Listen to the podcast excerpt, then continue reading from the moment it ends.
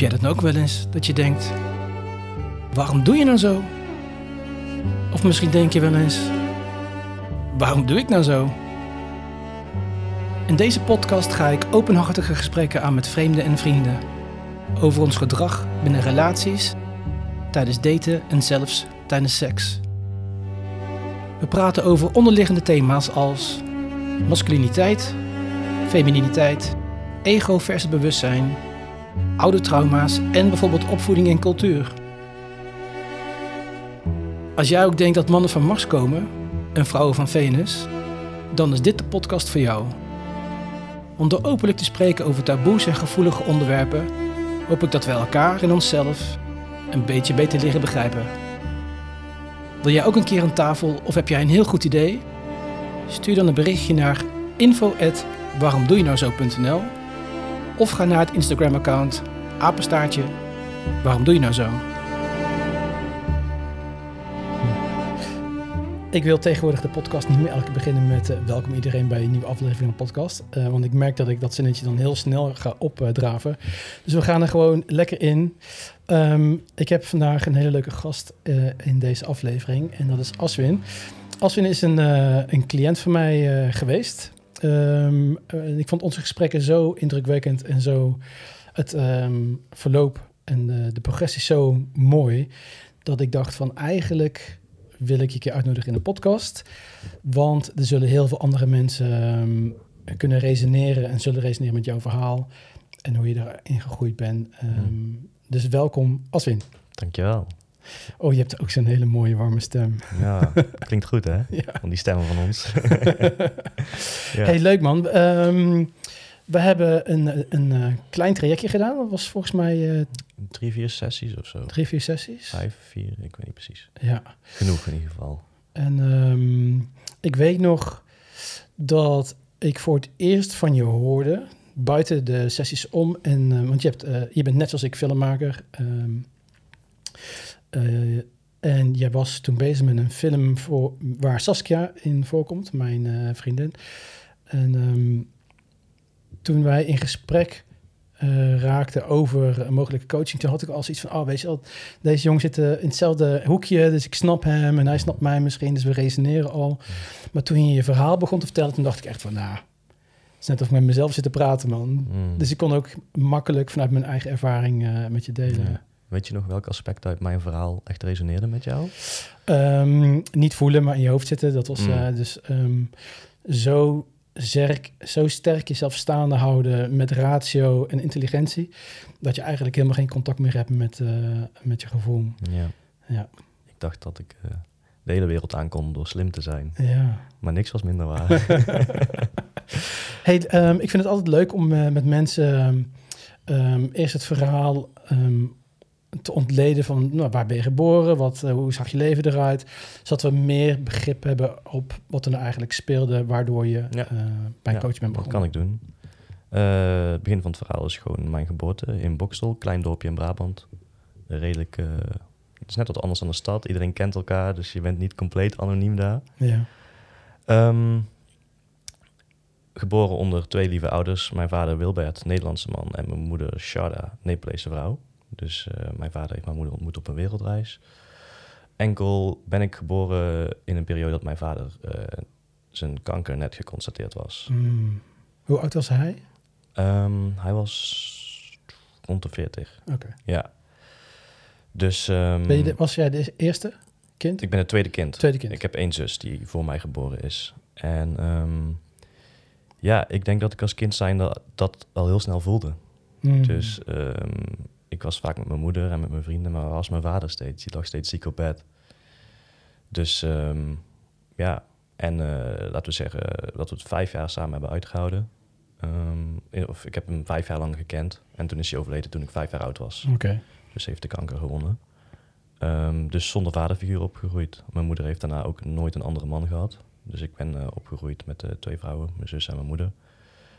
En ja, dat is basically de start van mijn verhaal. Maar... Hoe, hoe, hoe was dat? Uh, um, je bent vijf, maar um, kan je nog iets herinneren, misschien gevoelsmatig, over hoe de dynamiek was tussen. Um, was je moeder bijvoorbeeld heel erg verdrietig, heel vaak down of juist niet? Uh... Ik heb niet superveel actieve herinneringen aan die periode. Ehm, ik heb één hele sterke herinnering aan de crematie zelf van mijn vader. Oké. Die heb ik volgens mij toen ook Ja. verteld tijdens die coaching. En ehm, nee, ik heb geen herinneringen aan die periode. Dus heel veel daarvan ehm, moest ik zelf invullen. Vanuit hoe ik denk dat het er gegaan is. Ja. Nu is er wel iets heel bijzonders gebeurd. Is dat eh, twee weken geleden eh, belde mijn tante me op. En die zei van, hé, hey, ik heb allerlei videobanden van vroeger gedigitaliseerd. Dus je kan je, jezelf zien met je vader en je moeder Oh, wow. als kind zijnde. Dus ik heb twee weken geleden eigenlijk een stukje jeugd van mezelf terug gehad. Die ik nooit eerder heb gehad. Wat fucking dope.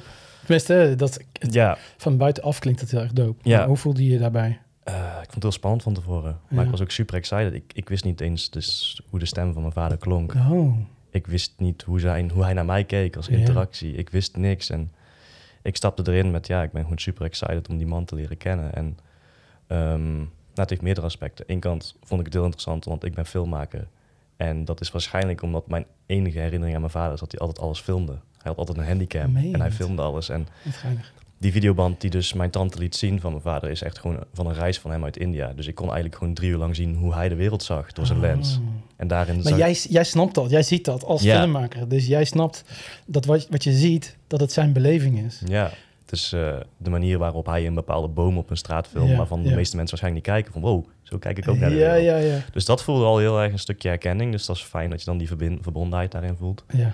Maar ehm, nou ja, ik, heb dus, ik ben opgegroeid zonder vaderfiguur. Dus daarin ook altijd wel heel erg eh, geworsteld met mijn eigen mannelijkheid en onzekerheid. En In een gezin met twee vrouwen. in een gezin met twee vrouwen. Ja. weinig erkenning van mannen om me heen gehad. En ja, dat, dat, ik voelde dat gewoon een gemis naar mijn vader. Ik, Ja. gewoon, ik, ben, ik heb letterlijk geen vaderfiguur gehad, dus dat gemis was sterk. Maar toen ik die video's zag en ik zag hoe ik als klein jongetje in zijn armen zat en hoe hij naar me keek, die video's lieten mij eigenlijk zien van hij houdt van me. Ja, En hij leeft nu misschien niet meer, ja. maar dat gevoel blijf ik met me mee, mee- mee- meenemen. Dus eigenlijk was die videoband, eh, die video's, die lieten me wel heel goed voelen. Omdat ik, ik zag zijn liefde naar mij toe. ja. En hij is er dan misschien niet. Maar opeens dacht ik van, oh, ik heb gewoon een vader die van me houdt. ja. En hij is misschien niet meer fysiek op deze aardbol. Maar voor mij is die liefde tijdloos. En een eh, ander aspect wat ik niet had verwacht aan die video's die avond... is, eh, die mijn leven toch ook wel heel veel inzicht heeft gegeven... is mijn relatie met mijn moeder. Mm. Mijn moeder is op haar 22e vanuit Nepal naar Nederland gekomen... met de, de droom om eh, met een westerse man te trouwen en hier iets te bouwen. Ze had altijd als kind als aan het idee van... ik ga niet in India opgroeien. Ze wist niet waarom, maar dat idee heeft ze altijd gehad. En toen ontmoette ze mijn vader. Dus ze is naar Nederland gekomen, nieuwe taal geleerd, nieuwe familie gekregen. En eh, binnen vijf jaar overlijdt die man. En je staat er opeens in je eentje. Ja. En je, bent, je hebt zelf nooit op kunnen groeien. Als 28-jarige meid sta je daar met twee kinderen zonder man in een vreemd land. Ja, ja, ja.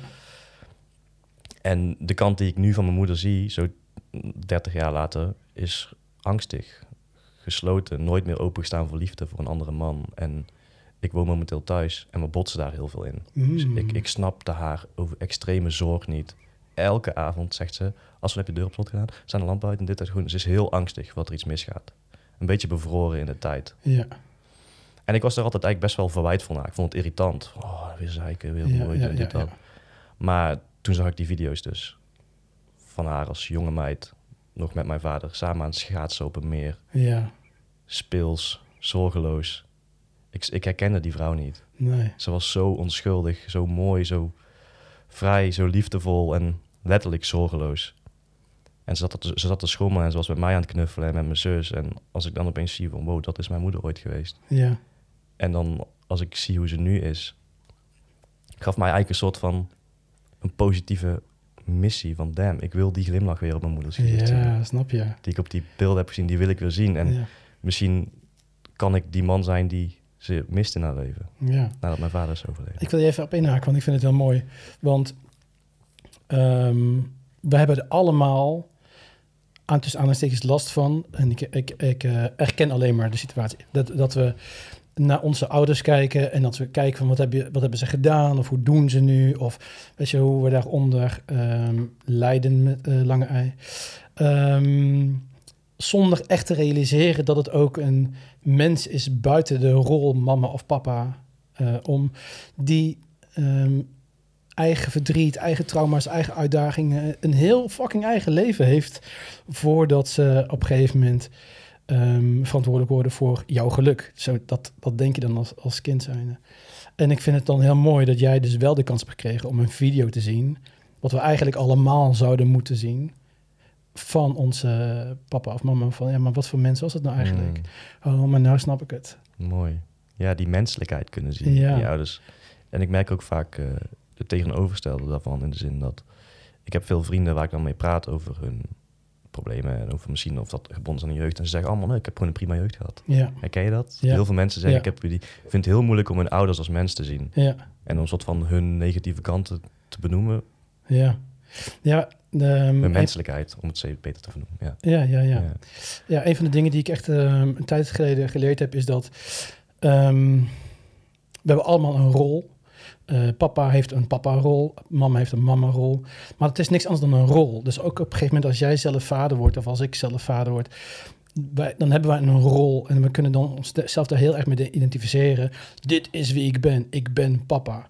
Maar we mogen blijven realiseren dat onze ouders en wij zelf ook in dit leven, zoals we nu met onze partners omgaan, we hebben een rol die partner, vader, moeder is. Maar we zijn nog steeds gewoon Jamie als we in... Weet je, je, je mama is gewoon een vrouw, een meisje die met heel veel eh, dromen en, eh, en, en gemis en behoeftes rondloopt. Elke dag. En daarbij is dan een klein beetje de rol. Maar wij zien natuurlijk dat die rol het enige is wat ze zijn. Ik denk dat er heel veel mensen eh, zijn, of heel weinig mensen zijn om ons heen, die naar hun ouders kunnen kijken en die dan echt de, het jongetje zien of het meisje zien, die dus nu volwassen is geworden, die opofferingen heeft gedaan, die ehm eh, wiens hart is gebroken, eh, wiens eerste liefde eh, niet meer bestaat, maar die ze eigenlijk nog stiekem missen. Al die dingen die zitten allemaal in, in onze ouders ook, weet je wel. Mm. Ja.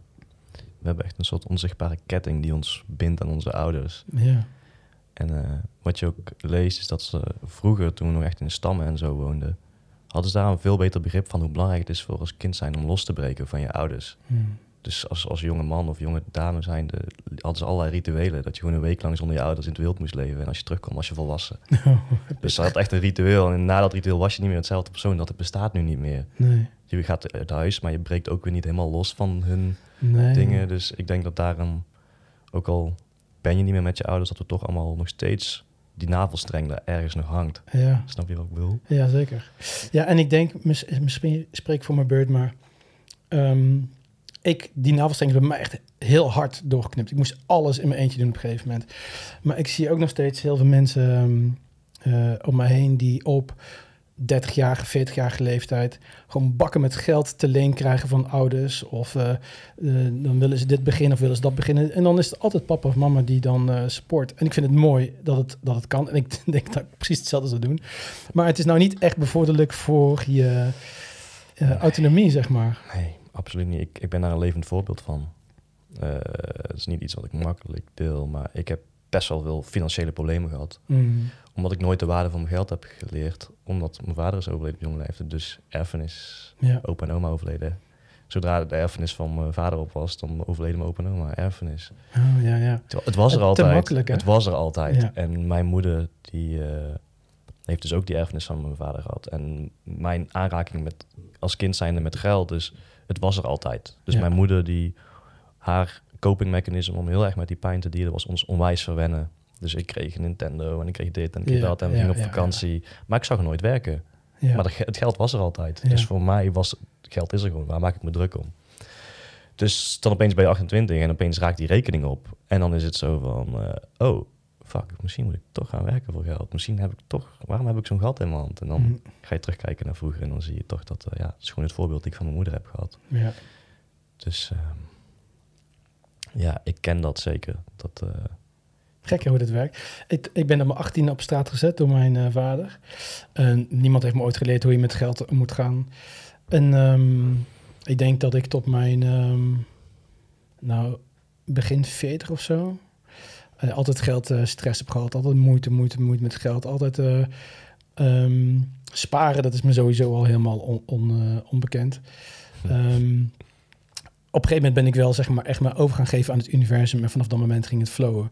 Maar vanuit mijn oude zelf, zeg maar, was er geen structuur. En zeker niet in mijn, eh, in mijn jongere jaren, 20, 30. Nou, dat was altijd, eh, ik, verd- ik verdiende goed, eh, maar Het gaat ons altijd snel op. Eigenlijk heel gek dat je, ehm, dat je in je volwassen leven ook op dat vlak, op de praktische ehm, vlakken, kan zien dat je een bepaalde support, opvoeding, instructies en begeleiding hebt gemist, zeg maar. Mhm. Niet alleen in liefde, maar ook in Mhm. dit soort dingen. Ja. Ik had het daar gisteren over met een vriend. Eh, op school leren ze eigenlijk alles wat je niet nodig hebt. Ja, Maar ze leren je niet hoe je relaties aangaat, hoe je voor je financiën zorgt, hoe je voor je emoties zorgt. ja. De problemen die je tegenkomt bij je dromen achtervolgen. En al- die dingen leer je niet. Terwijl dat de, de dingen zijn die je leven maken. En die je maakt als persoon. Wil je vader worden? Ja, heel En, graag. en moet je je voorstellen wat voor vader jij kan zijn nu voor jouw kinderen. Ja, daar heb ik het vaker ook wel over met mijn vriendin en zo. En eh, dat maakt me zelfs een beetje emotioneel soms. Soort van, Ja. eh, het maakt me niet uit of ik een zoon en dochter wil, maar ergens zou ik die vader-zoonband willen, die ik nooit heb gehad, willen ervaren met mijn eigen zoon. Ja. En ehm, Maar je gaat al die dingen die je gemist hebt, ga je nu wel kunnen geven. ja. Want omdat je die Mm. gemist hebt, werden dat trauma's. Die trauma's werden zeg maar een soort school voor je in jouw leven, in ons leven. Maar liep continu maar tegen diezelfde muur aan. Leren, leren, leren. Oké, maar nu snap ik het. Nu ga ik het uitdragen. Ik ga het belichamen. Oké, maar nu als ik papa word, heb ik in één keer een hele tas vol met kennis die ik Mm. wel kan geven. Maar kun je Ja. nagaan als we al die trauma's niet hadden meegemaakt, hadden we kinderen gekregen die zelf die shit hadden moeten oplossen. Ja. Ja, of is het... Want de trauma's maken we in een way allemaal mee, maar welke personen die doen er wel iets mee en welke niet? Ja. Dat is nog, ik heb daar nog steeds niet altijd de antwoorden op. Sommigen die Ehm, nemen dat mee naar hun graf. Ik vind, het, ik vind het mooi als mensen mij vragen stellen waar ik echt over na moet denken. Ja. Dus eh, welke mensen doen er echt iets mee? Ik denk, eh, wat bij mij zeg maar nu opkomt, is ehm, wanneer je ehm, ziel als het, als het ware klaar is om die bewustwording te doorlopen. Ehm, kijk, het, de, de, de ziel is ehm, veranderbaar. De ziel, dus je hebt zeg maar het ik ben, daaromheen zit de ziel, daaromheen zit het emotionele lichaam, fysieke lichaam, mentale lichaam en de buitenwereld. En eh, buiten het ik ben zit dan de ziel. En die ziel die is ook veranderbaar. Die is ook onderhevig aan trauma. En die trauma's, die ziel, die gaan zeg maar up, naar ander leven, naar ander leven, naar ander leven. Dus onze voorouders, ons, misschien onze vorige levens. En die ziel is allemaal beïnvloed door dat trauma. En dat wordt meegenomen totdat het tijd is om dat proces te doorlopen, om dat trauma te gaan helen. Mm. En ik denk dat als, ehm, als we een soort van volwassen hebben, volwassenheid hebben bereikt op zielsniveau om die lessen echt te gaan leren, dat we dan in dat leven dus Mm. door die trauma's heen gaan Mm. werken. En misschien daarnaast zie ik een soort van collectieve eh, Mm. bewustzijn, dat we nu ook wel in een tijdperk zitten waarin die verschuiving gaande is. Ja, dat merk ik ook wel. En Ja. we zijn ook denk ik de eerste generatie die de ruimte krijgen om niet alleen over survival na te denken. Ja, Onze ouders hadden dat nog veel meer, weet je. Ja. Die konden niet altijd nadenken over, oh, wie wil ik nou zijn, welke dromen. Nee, die moesten overleven. ja, Dus wij zijn de eerste generatie die dat doen. En ehm, je hebt ook zo'n fenomeen, de Pareto-distributie heet dat. Dat is 80-20 regel, die overal in de natuur terugkomt. Dus eh, als je naar de Amazone gaat, zullen er altijd 20% van de bomen hoger, stukken hoger zijn dan de andere 80%. Mhm. En ik heb het idee dat je dat ook echt op mensen kan toepassen. Oh ja. En niet alleen op mensen, maar gewoon op heel veel dingen. Het is heel interessant hoe die patronen zich soms vormen. Maar eh, ja, want ik, ik, ik ben dan opgegroeid in Boksel, in een dorp.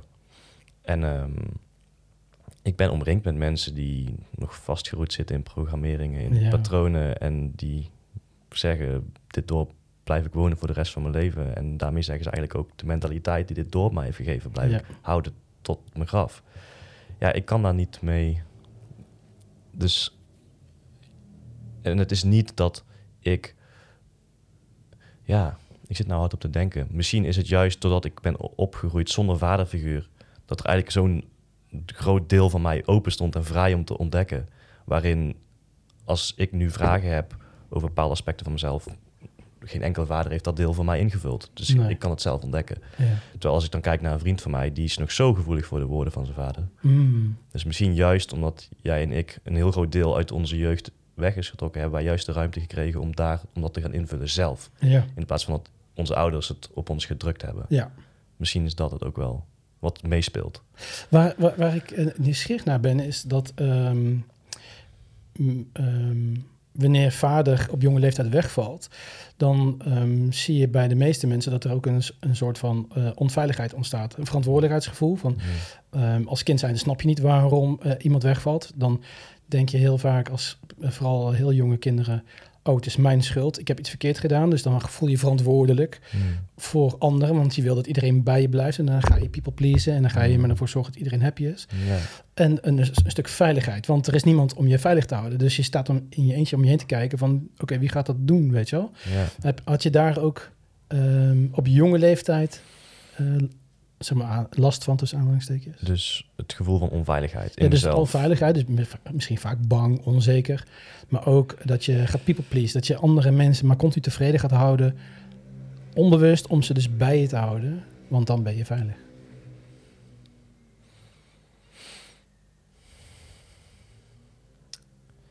Ik weet niet of het onveiligheid was. Onzekerheid absoluut. Hmm. En ehm, ik kon niet alleen zijn.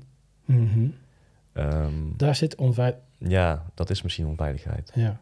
Ja, nee, ik kon niet met mezelf zijn. Dus eh, ik was of met vrienden, of ik was aan het gamen. Dus zeg maar niet stil met mezelf. Snap je? Of ik er was vanaf, laten we zeggen, van mijn veertiende mijn eerste vriendin. En daar heeft eigenlijk nooit een pauze tussen gezeten tussen mijn vriendinnen. Ja. Omdat ik het heel moeilijk vond om alleen te zijn. Ja, had ik ook. Eh, Exact. Misschien ergens nog steeds wel. Ja. Dus ja, dat zou goed kunnen. Dat Ja. het gebrek aan een vaderfiguur, soort van, dat ik daardoor niet die integriteit met mezelf heb. En mezelf daarin gerust kan stellen, van nee, er is niks aan de hand. Ja. ja, met jezelf. Voor mij was het echt super moeilijk om gewoon echt alleen met mezelf te zijn. Om me niet af te leiden met. ehm, nou, ik ging heel veel naar, eh, naar feesten, drugs en zo. Ja. Ehm, ook ehm, gewoon uitgaan, eh, muziek. Noem maar. Ik had altijd afleiding. Maar gewoon echt met mijzelf alleen zijn. Dan ging ik gewoon daten. Dan ging ik gewoon chicks eh, opzoeken. En als ik maar niet, als ik maar geze- gezelschap had, als maar iemand bij mij was. Ja. Wat gewoon een hele verkapte vorm is van veiligheid. Dat al die dingen gingen mij dan veilig houden dat ik niet Ja. maar met mezelf hoefde te zijn. Ja. Onbewust allemaal. Daar kom ik dan later kom ik erachter. Ja. Ja, man. Heel herkenbaar. Ja, En ik denk dat in a way iedereen zich daar wel last van heeft, tot op bepaalde hoogte. zeker als je uit een gezin komt waar Ja, een van de ouders of beide ouders jong wegvallen. ja. Wat ik heel interessant vind is, nu ik ook zeg maar, voor mijn film eh, die over mannelijke kwetsbaarheid onderzoek aan het doen ben en dus met mannen aan het spreken ben. Ik heb letterlijk fysiek geen vader gehad. Ja, Maar er zijn heel veel vrienden van mij die dus wel gewoon een vaderfiguur hebben gehad. Maar die vader was zo afwezig Hmm. en zo met werk bezig. Dat, dat klinkt heel hard, dat hij net zo goed dood had kunnen zijn. Hij had er eigenlijk net zo goed niet kunnen zijn. ja. Dus in, in een way... ehm, ik ben een beetje vergeten wat mijn punt was. Maar ik heb dan fysiek geen vader gehad en die jongens wel. Maar die was zo afwezig dat ze eigenlijk dezelfde problematiek als ik nog ervaren. Ja. Dus dat het verschil helemaal niet zo groot Ja. is. Dus letterlijk een biologische ouder hebben die nog leeft, hoeft eigenlijk niet zoveel te zeggen. Het gaat er echt om hoe aanwezig die ouder er voor je is. Hoeveel aandacht die je geeft, zeg maar. De, om, de omgang met je ouders als kind zijnde, dat is hetgene wat voor jou bepaalt hoe je liefde ziet voor de rest van je leven. Ja, heel mooi gezegd. Er is een quote van uh, Gabor Maté die zegt... de liefde van de ouders voor een kind zegt niks over de, hoe het kind het liefde ervaart van de ouders. Ze kunnen er allebei zijn. Mm. Maar als het kind ervaart dat een van de twee er niet is... altijd bezig met zorgen om geld bijvoorbeeld. Eh, Papa is altijd aanwezig, papa is altijd thuis. Ja, Maar papa is altijd druk bezig met zorgen om geld. ja man. Papa is niet aanwezig. Ja. Zij ervaren dan als kind zijnde... ik heb geen vader gehad. De vader die ik nodig had, die was er niet. Dus het heeft inderdaad heel weinig te maken met fysiek eh, Ja. aanwezig zijn, maar hoe het kind het ervaart. Hoe, hoe zag je puberteit eruit? Mijn puberteit was ehm, impulsief. Een soort ongeleid projectiel, woedeproblemen. Dus mijn moeder die hoefde maar één keer te vragen of ik haar wilde helpen met een, eh, een Windows update die niet werkte. en ik, ik gooide een steen door eruit, basically, gelijk. Eh, ik eh spijbelde van school. Ik kon niet concentre- geconcentreerd zitten in de klas. Ik kon niet tijd spenderen aan iets wat me niet interesseerde. Ik was constant op zoek naar bevestiging van vriendinnen, van meisjes. Dus eh, meisjes vinden gitaar spelen leuk, dus ik ga gitaar leren. Oh ja, ja. Ik ga mijn haar stylen, want dat heeft mijn zus me geleerd. En dan opeens kwam ik... Dat is een hele interessante. Ik gaf niks om mijn uiterlijk, niks. Ik was gewoon... Ik had een brilletje, ik had een beugel, challenge, maar ik was gewoon een jongen die ging kloten met zijn vrienden. ja. Op een gegeven moment kwam mijn zus thuis, dus ik woon met twee vrouwen. En die zegt, Aswin, mag ik je haar stylen? Ik zeg, "Pff." ik zat achter de computer, ja, doe maar. Dus ik ging gewoon doorgamen, terwijl zij gewoon zo zat te stylen, weet je. En op een gegeven moment keek ze in de spiegel van, ja, nou. Ik vroeg zo, heb ik dit morgen ook nog? Ja, ja, dat blijft nog wel twee dagen zitten. Dus ik, dus ik ga zo naar school. En opeens twee, drie meisjes. hey, Als wat zit je haar leuk? Had ik nog nooit gehad in mijn Oh, leven. ja. Dus ik kwam die avond thuis. Hé hey zus, hoe ga ik dat haarstylen? En, Briljant, toch? ja, en zo. Dus dat was mijn puberteit. Dus heel erg bevestiging van vrouwen. En ik het, is- het klinkt super beschamend bijna om het te zeggen. Maar ik leefde daar toen voor als jonge man. In, Tuurlijk. overspoeld met hormonen. En Ja. ik zocht gewoon die bevestiging bij vrouwen en bij meisjes. Bestaansrecht. Ja, dus ik deed dat heel veel. En een stukje school en aan mijn toekomst bouwen deed ik nul. Dus op een gegeven moment was ook de directrice die eh, mij belde. Van, hey Aswin, je bent er nooit. Kom naar school, je gaat geschorst worden. Dus ik kom daaraan Mm. bij haar op gesprek op kantoor. En ze zegt van, hè, wat is er aan de hand? Je bent er nooit, je praat niet. Ik, ik weet niet echt dat je geschorst gaat worden. En ik zat daar gewoon zo als zo'n typische Amerikaanse rebelse highschooler. Ja, Boeit me niet. ja. En toen stelde ze de vraag die alles veranderde. En toen stelde ze voor het eerst in mijn leven dat iemand dit vroeg: Komt het misschien door het verlies van je vader? En toen ze dat zei, ik ja, begon te huilen. ja. Ik had dat nog nooit gedaan. En de rest van de dag is een waas voor me. En dat is eigenlijk een punt in mijn leven geweest dat ik eh, zoiets had van: wow, wow, wow, wat? Verdriet, ik, verlies van mijn vader, wat? En toen is er eigenlijk een soort van obsessie ontstaan bij mij. Ik kan het wel een obsessie noemen met. Hoe kon het dat ik als kind zijnde op zijn crematie stond en niks voelde en alleen maar aan mijn Nintendo kon denken? En dat ik nu opeens zo'n intens verdriet gevoel. Hoe werken emoties eigenlijk? Ja, mooi. Waarom voelen we in onze bij de, in de grote of kleine gebeurtenissen van ons leven soms heel veel, maar Ja. soms heel weinig. Dus ik ben eigenlijk gewoon vanaf mijn 16 heel erg geïnteresseerd geraakt in hoe werken mensen dan en hoe werken emoties. Maar ik ben er overal gaan lezen. Ja, Ik ben hier puur, hadden we het over, hè? puur kennis over gaan doen. Dus ik ben boeken gaan lezen over psychologie, emotie, al die dingen. En in mijn hoofd begreep ik de concepten, maar ik was nog steeds aan het vluchten. Ik had nog steeds Ja. dingen waar ik niet over praatte. Dus al het werk wat ik vanaf toen heb gedaan is door middel van mijn hoofd, want dat was bekend voor me. Maar juist eigenlijk afgelopen jaren en ook vanuit de coaching met jou is echt pas het werk gaan en ga eens een keer voelen. Ga juist jezelf leren kennen door je Ja. gevoel. Want je kan heel veel lezen over mensen, maar dan snap je ze nog niet beter tenzij je je eigen gevoel gaat begrijpen. Ja, Dus dat, ja. zo mooi is dat. Ik herken het. eh, ik, ik, wil, ik wil van alles zeggen, omdat ik Ja. het zo'n zo mooi... Je, je vertelt het gewoon heel goed en heel mooi. Thanks. Ik, ik ben echt heel dankbaar dat je dit deelt vanuit eh, jouw perspectief. Want als, ik wil dat iedereen dit hoort, weet je, hoe dat werkt. Want ehm, wat jij en ik gedaan hebben... Want ik, ik heb bijvoorbeeld nog steeds, tot de dag van vandaag... heb ik er een hekel aan als iets mij niet lukt. Als ik iets niet snap, als ik iets niet ken. Ik moet het snappen waar ik mee bezig ben. Of als ik iets nieuws eh, ontdek, dan wil ik alles ervan weten. Mijn zelfvertrouwen, mijn... mijn ehm, hoe sta in deze wereld, eh, is met mijn hoofd daar, daar weet ik, ik ben hier sterk. Dus als ik, ehm, ehm, ehm, ik ga dan ook zeg maar naar mijn hoofd om niet te voelen. Dat is eigenlijk wat we allebei doen. Mhm. Dus een overlevingsmechanisme van, hey, ehm, ik hoef zeg maar niet te voelen als ik heel erg in mijn hoofd ga zitten. Dus ik ga daar gewoon heel, onbewust doen we dat natuurlijk, ik ga er heel erg sterk in zijn. En dan eh, eh, heb ik een bestaansrecht in de wereld en iedereen ziet mij en iedereen snapt mij. En ik heb controle over alles, want ik snap hoe alles werkt. Ik heb grip erop. Ik, ik ben niet meer onzeker, want ik weet alles. Zolang we maar hoeven te voelen. Mm. En zodra we gaan voelen is het van, oh kut, hoe doe ik dat? Mhm. Ik weet nog dat ik voor het eerst ehm, had gehoord dat je kon zitten met je emoties. Ik dacht, wat de fuck heb je het over, man? En toen heb ik dat een keer gedaan en toen dacht ik, er is, er is gewoon geen logica. Er is gewoon geen structuur of kennis die ik mijzelf eigen kan maken, die ik kan bestuderen, waardoor ik grip heb op alles. Dit is echt volledige overgave. En toen ik ayahuasca ging doen, was het nog tien keer erger. Moest ik overgeven, want als ik dat niet deed, dan eh, gebeurde er ook niks. Controle in mijn hoofd, alles verdween. Controle loslaten. Mama Aya, die kwam in volle kleuren op. Dat was een grote les wat voelen betekent. En ehm, ik vind het dan zo mooi om te zien dat je als kind zijnde bij de begrafenis staat. En dat je, jouw brein en jij als man, je kan helemaal niet processen wat voor emoties er zijn. Papa, papa is weg. Eh, Papa is voor altijd weg. Jij snapt dat gewoon echt niet. Dus dat, die emotie, die snap je als kind niet. Dus jij, jouw systeem zegt... Oké, ja, ik, hier kan ik nou niet mee dealen. Daar ga ik gewoon een andere keer mee dealen als ik het wel eh, snap. Die emotie die blijft gewoon in je zitten. Jij zit gewoon heel je leven in je hoofd. Dan is er eindelijk iemand die eigenlijk tegen jou zegt... Ik zie jou. En jouw hogere zelf, jouw ziel, die zegt in één keer... Iemand ziet mijn emoties, iemand ziet mij, iemand ziet mijn pijn. En dan heb je geen controle meer over je emoties. Dan ga je huilen en dan ben je helemaal van slag. Ja. Omdat je voor het eerst gezien wordt. En wat jij dus daarna bent gaan doen met het, toen je naar coaching kwam. Dat je gewoon gekozen hebt van oké, maar ik wil mijzelf zien. Mm. Ik wil zien Mm. wat voor emoties ik heb. Ik wil zien, ik wil mezelf begrijpen in plaats van Mm. al die duizenden kennis, en al die boeken en al die eh, studies. Ja. Ja, dat is on point, hoe je het nou zegt. Ja, absoluut. Dat, eh, die periode dat ik zeg maar, met jou heb ontmoet was voor mij eh, ja, echt een turning point in mijn leven.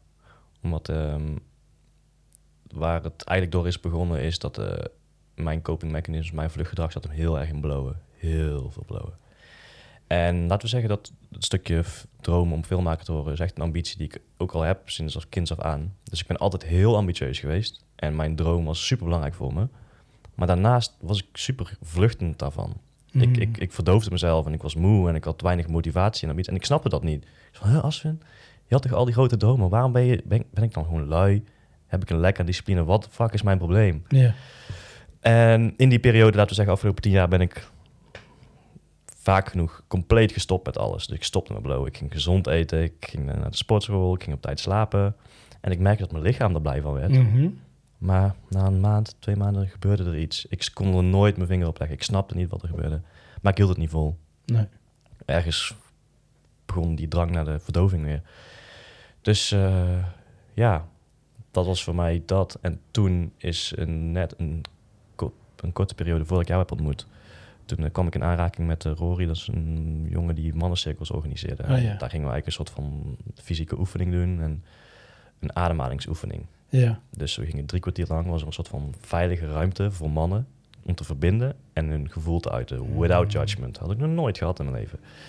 Dus ik lag daar en ik begon te huilen. Maar niet zomaar te huilen als, we kennen dit allemaal, vaak als we huilen bij vrienden of bij familie voelen we ons al heel snel te veel. Ja. Dus even, en we slikken hem weer in. Ja, ja, maar daar was het echt gewoon brullen, gewoon ah, diep. Ik, ik, Mm. ik herken mezelf niet eens als ik mezelf zo zie liggen.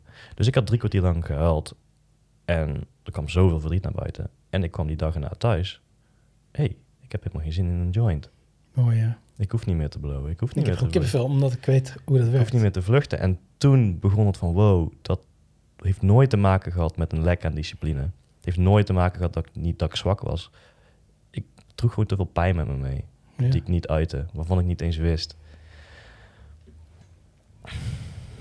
En sinds ik eh, ja, gewoon eerlijker ben over wat ik voel, kost het soms echt fucking eng om je kwetsbaarheid te delen en Mm. negatieve emoties. Mm-mm. Maar zodra ik het doe, ik hoef niet meer te vluchten. Ik ben volledig ik en Mooi, man. ik ren niet meer. En ja, dat ben ik nu afgelopen jaar aan het bouwen. En het is echt niet dat ik er nou vanaf ben hoor.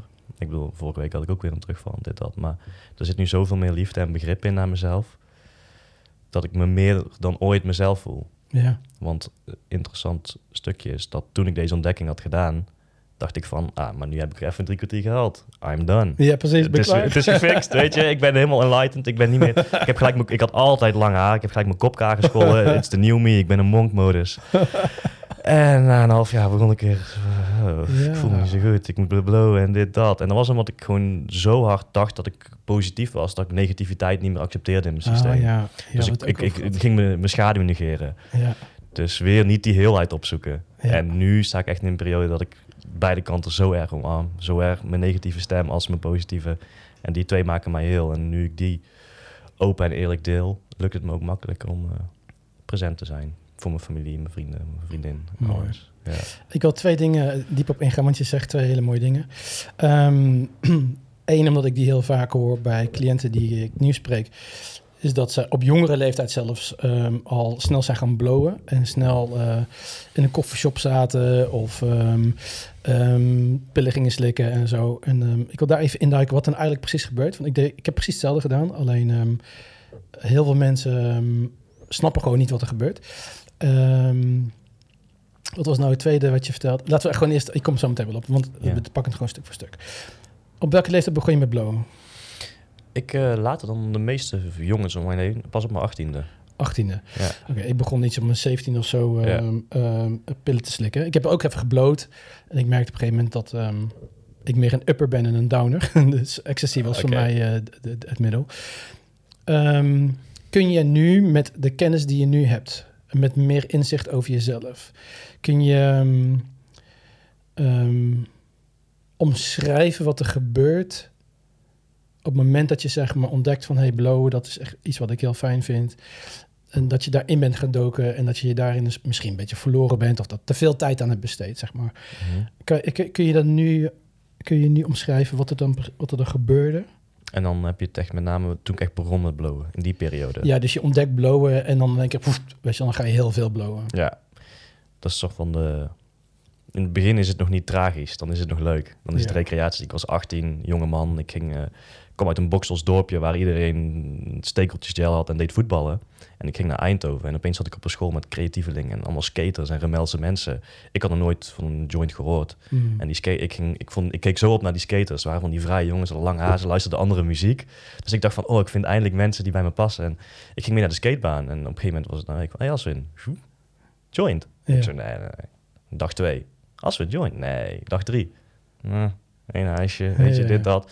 Ik voelde niks. Vervolgens kwam ik die avond thuis en ik, kwam, ik plofte neer op de bank. En ik zette een album aan van de Black Keys of zo. Heel chill bandje toen de tijd. En ik zat daar opeens zo, dat was opeens zo van, wow, Chill. mijn hoofd is leeg. Ik voel me fucking chill. Dit is nice. Ja. En op een gegeven moment dacht ik een week na, bel ik jongens op, hé, dat wil ik nog een keer doen. En eh, toen begon ik ook andere jongens te ontmoeten die dat deden. En ik leerde nieuwe muziekstijlen kennen. En ik leerde nieuwe kledingstijlen kennen. En er ging eigenlijk een soort van wereld open van creatieve mensen en vrienden die ik daarvoor eigenlijk niet had. Ik was redelijk eenzaam. Ik had wel vrienden, maar niet echt vrienden die aansloten op wie ik wilde zijn. Mhm. En dat gebeurde toen. En toen was het allemaal heel erg leuk. Ik was 18, ik, had, ik kreeg studiefinanciering. Ik hoefde mij eigenlijk niet echt druk te maken om iets. Mhm. En ik had daarnaast gewoon mijn passie voor het film maken, wat ik toen gewoon deed. Dus lekker blowen, lachkikjes, bullshit verhalen vertellen, muziek luisteren, helemaal Ja. leuk. Wat gebeurde, wat gebeurde er met jou? Wat, kun, je, kun je dat analytisch bekijken?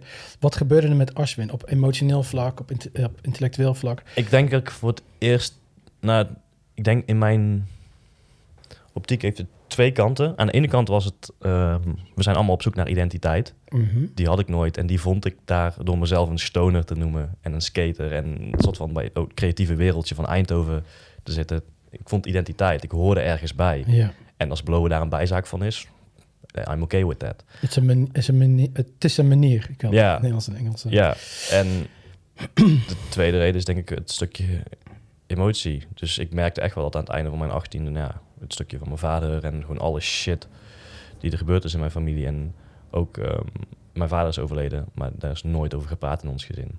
Hij was, ik zag hem altijd als een soort van schaduw die in de hoek stond mee te kijken, maar niemand praatte over hem. Ja. En ik denk dat dat blowen mij ook hielp om daar, dat niet te voelen. Ja. Om eigenlijk weg te lopen wat er van binnen zat. En uiteindelijk blijf je zo lang lopen dat je eigenlijk jezelf compleet kwijt bent. Dus ik voelde niet heel... Ja, ik, het was gewoon verdoving, denk Ja. ik. Ik kan het heel complex maken, maar het was eigenlijk gewoon verdoving. Als je ehm, kijkt naar dat jongetje voor het blowen en je kijkt zeg maar hoe hij in het leven stond en dan gewoon echt een beetje gewoon goed kijken naar dat jongetje van ehm, hoe was zijn energie, hoe was zijn eh, humeur, hoe was zijn, je, zijn plezier, zijn behoeftes. Zie je dan zeg maar een eh, spanning in het jongetje? Zie je dat, dat, dat, hij, dat het zwaar is? Zie, ehm, zie, je, zie je een soort van last op zijn schouders of zo? Of? Ja, die zie ik nu wel. Maar toen de tijd wist ik niet. nee, nee, nee, nee, dat wist ik niet. Mm, het valt me sowieso op dat mensen het algemeen, maar vooral ik... eh, we hebben eigenlijk niet door hoeveel we constant op een dag voelen. We stoppen dat zo weg.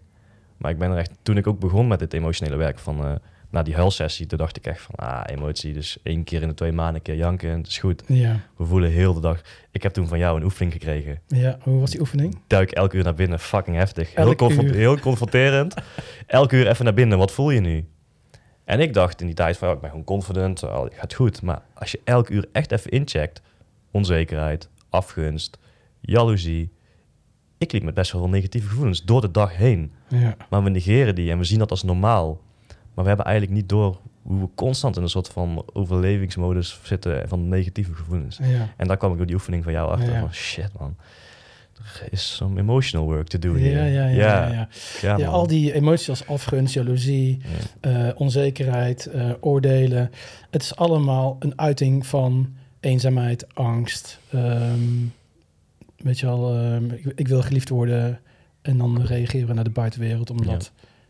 Precies. Maar ehm, Wacht, maar heb ik je vraag daarmee beantwoord? Uh, nou ja, dus inderdaad, we zagen dus het kind, het jonge jongetje, dat wat een, een soort van zwaard op zijn schouder zat. Ja. Je vindt eigenlijk een soort van verlichting. Je vindt identiteit, je vindt een thuis, als het ware. Mensen die jou snappen. Mhm. Dus, oh, weet je wat, dit is ook, ik zit in één keer in een wereld met mensen die mij snappen. Oh, Mhm. ik voel me ook nog een stuk lichter. Oh, maar waarom zou ik hier weggaan?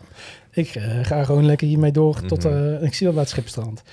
Eh, oh, daar waar ik het volgende toe wilde, want dat vond ik ook heel interessant. Ehm, op het moment dat je bij eh, een rector in de stoel zit, je, jij hebt op dat moment helemaal geen ehm, notie waar je over 10, 20, 30, 40 jaar bent. Je bent niet bezig met bouwen of je bent niet bezig met groeien of met toekomstplannen. Natuurlijk je passies, maar je passie is eigenlijk wat wil ik nu doen. Het is niet je passie, oké, ik wil over 10, 20 jaar een mediabedrijf hebben of wat dan ook. Ja. En ik vind het heel interessant dat op het moment dat eh, mensen zoals jij en ik te kampen hebben met ehm, geen stabiliteit. En ik zie het als een soort van eh, zo'n pot waar we dan een pot met aarde en, we- en, en dat, dat, dat- die pot is als het gewoon aarde, gezonde aarde in zit en we- wij zijn het plantje, dan hebben wij een, een, foundation als het ware om in te groeien. En dan kunnen wij, wij kijken om ons heen, nou, weet je, wel, lekkere aarde, goede, Mm. gezonde soil. Wij kunnen groeien. Ik vertrouw erop dat, dat ik hier kan staan en groeien. Maar als dat er niet is, als die pot bijvoorbeeld leeg is of gewoon hele slechte, hele slechte grond of gewoon doodzand, dan kijk je eigenlijk om je heen en denk je van, als ik gewoon vandaag happy ben, prima, want ik ga niet denken over morgen. Mhm. Onbewust doe je dat. Ja. Ik dacht nooit over mijn toekomst. Ik dacht alleen maar over morgen. Ik dacht alleen maar over wat kan ik nu doen? Wat maakt me nu gelukkig? Mhm. Dus ik snap ook dat als wij op een gegeven moment in een situatie zitten waar me- mensen zien je, mensen snappen je, je resoneert met ze, eh, het is allemaal vrolijk, want eh, lekker aan de pil of lekker aan de blow. Mhm. Waarom zouden we dan denken over 10, 20, 30 jaar? Dat is fucking zwaar en moeilijk. Mhm. Met name omdat we het fucking aan ons eentje moeten doen, zonder de support van je, die soil, ouders, Mhm. familie of wat dan ook. Mhm. Dus Ja. ik snap dat helemaal. Ja, zeker. Ja, ik wil nog ook even terugkomen op het stukje van slim willen zijn. Want ik denk dat het hier ook deels op aansluit. En dat is, Ja. ik ben recent achter gekomen waar dat bij mij vandaan is gekomen. En dat is ook heel erg door de, de uitingen van mijn moeder. Mm. Dus mijn vader was echt zo'n Nederlandse, een beetje zo'n Gandalf-type. Zo'n gri- gri- grijze lange baard, weet je wel. En Rond huis staat vol met boeken. Hij had echt kennis over van alles en nog wat. Daar stond hij een beetje Oh. bekend om. En toen hij dus overleed, toen sloeg mijn moeder haar arm om mij heen. En zei, zo is naar klein Assen, van zie je nou, al die boeken die zijn straks allemaal van jou. En ik weet niet wat ik als kind dacht van, fuck, maar moet die dan allemaal gaan lezen? En in die periode ook, toen ehm uitte moeder, mijn moeder heel vaak van, ja, ik val echt op slimme mannen. Ik val op slimme mannen. Ik val op slimme mannen. Ik vind dit aantrekkelijk, ik vind dat aantrekkelijk en slimme mannen. Dus ik als jongetje, die waarschijnlijk omdat mijn moeder aan het trouwen was, dus ze was er niet altijd aanwezig voor mij, wilde die liefde van haar toch krijgen. Dus ik heb toen heel erg tegen mezelf gezegd, ik moet slim zijn. Anders ben ik geen liefde waard. Ja. Dus vandaar dat ik zo vanuit mijn hoofd ben gaan leven en alleen maar Ja. vanuit die spier ben gaan trainen. En ehm, hoe dat op mijn radar is gekomen is, eh, laten we zeggen twee jaar geleden of zo. Dus mijn moeder die is een Nepalees, dus India, Bollywood. Die is helemaal into Bollywood. Super, Ja. super grappig, want ik ben filmmaker en ik heb echt een hekel aan Bollywood. Dus daar een heel grappig conflict in. Maar los daarvan. ehm, er was dus een Bollywood acteur, een jonge, jonge gast van 28, die was een tijdje terug neergestoken. Maar mijn moeder was daar helemaal obsessed mee. Hij, die jongen was eigenlijk een soort kloon van mij. Ik noem het een kloon character. Ik was een spiegel van mij, want het was een jongen van 28, twee jaar ouder dan ik toen de tijd. En eh, mijn moeder was zo gebroken dat die jongen vond. Want ze had allemaal Oh. praten van, ja, dat was zo zielig voor die jongen. Hij denkt zoveel na over het leven. Hij was geïnteresseerd in de Oh. sterren. En hij- ze was hem helemaal, helemaal aan het prijzen. Terwijl ik dat nooit kreeg van mijn moeder. Dus elke keer toen zij over die jongen zijn slimheid begon... Ja. Dus voelde ik bij mezelf zoiets van binnen, van, omdat ik dus in die periode meer op mijn emotie vond te letten. Elke keer als ze dat deed, voelde ik gewoon een soort van op slot gaan in mijn Mm. lichaam. Van, eh, een soort, ja, Ja. een verlangen van, hé, dat wil ik ook. Wanneer Ja. krijg ik die man? Weet je, ik ben ook je zoon. Dus toen is dat heel erg op mijn radar gekomen. Ehm, en sindsdien ben ik ook aan, echt aan het proberen om dat minder te doen. Minder vanuit mijn hoofd. Ja. Ja. Ehm, wacht je nog steeds op ehm, de liefde van je moeder?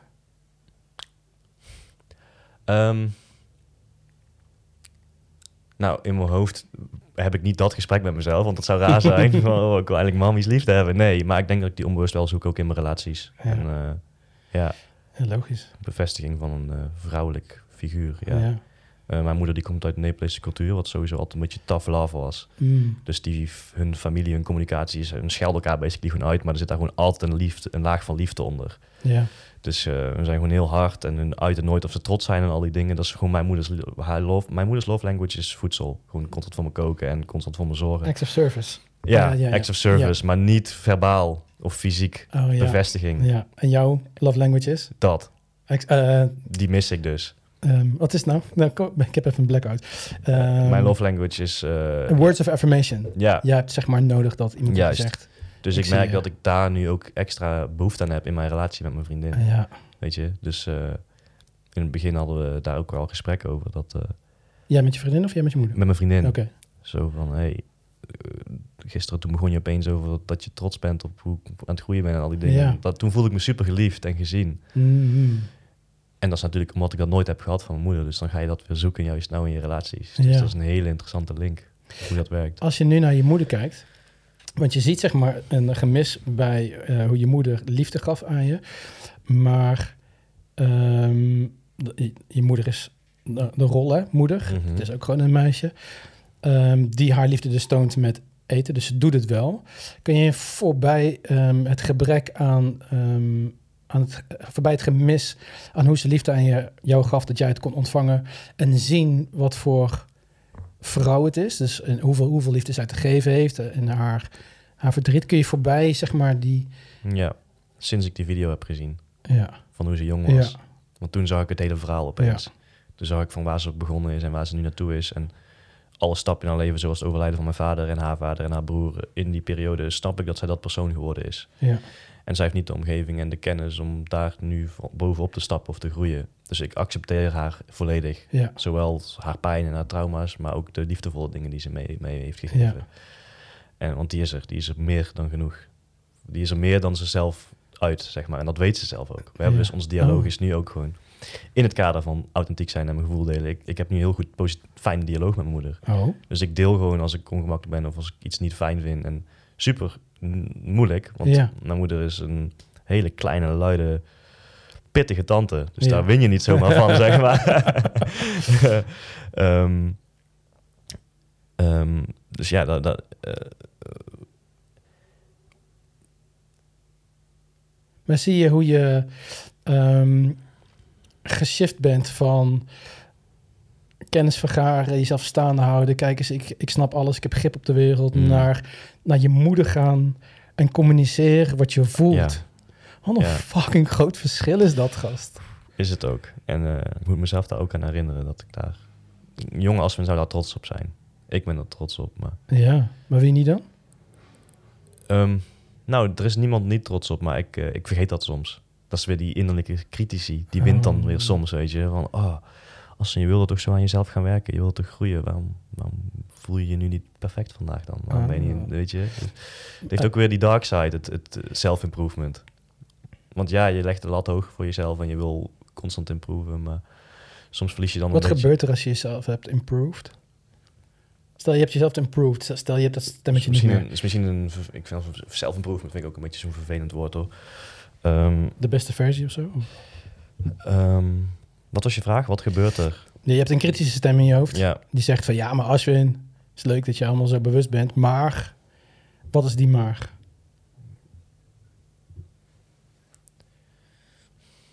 hele goede vraag. Ik denk dat die maar eh, ja, nog steeds die schaduwkant is die er ergens is. Bang zijn om niet goed genoeg te zijn. En we hebben het daar ook in onze coaching toen, jouw coaching naar mij heel erg over gehad. Dat ook spirituele kennis kan ook voer voor je ego zijn.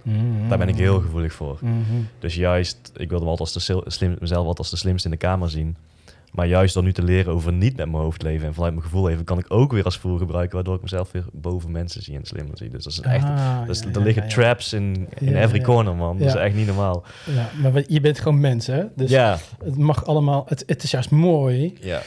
Ehm, ik had vandaag toevallig een, eh, een Instagram stories gedeeld over bewustzijn. Het is juist mooi dat jij bewust bent van het feit dat je mens bent. En de volgende stap is dat je op het moment dat het gebeurt, je eigenlijk met een soort van compassie naar jezelf kan kijken. Van, ah, maar Eswin, het egootje was weer eventjes bezig. Mannetje, die, die voelde zich even onzeker. Prima, weet je wel. En dan gewoon chill verder. In plaats van dat het een hele dag in beslag neemt van... ja, ja, weet je kut, ik moet eigenlijk heel hard dit doen en heel hard dat doen en zo. Ja, precies dat. Ja. Ja. Ja, die acceptatie is er niet meer. Maar ook het accepteren van dat die stem er soms er nog is. En, Ja. Ik wil eventjes eh, eh, eh, mijn post op Instagram eh, Ja. opnoemen voor de mensen die nu luisteren, die dus die post niet hebben gezien.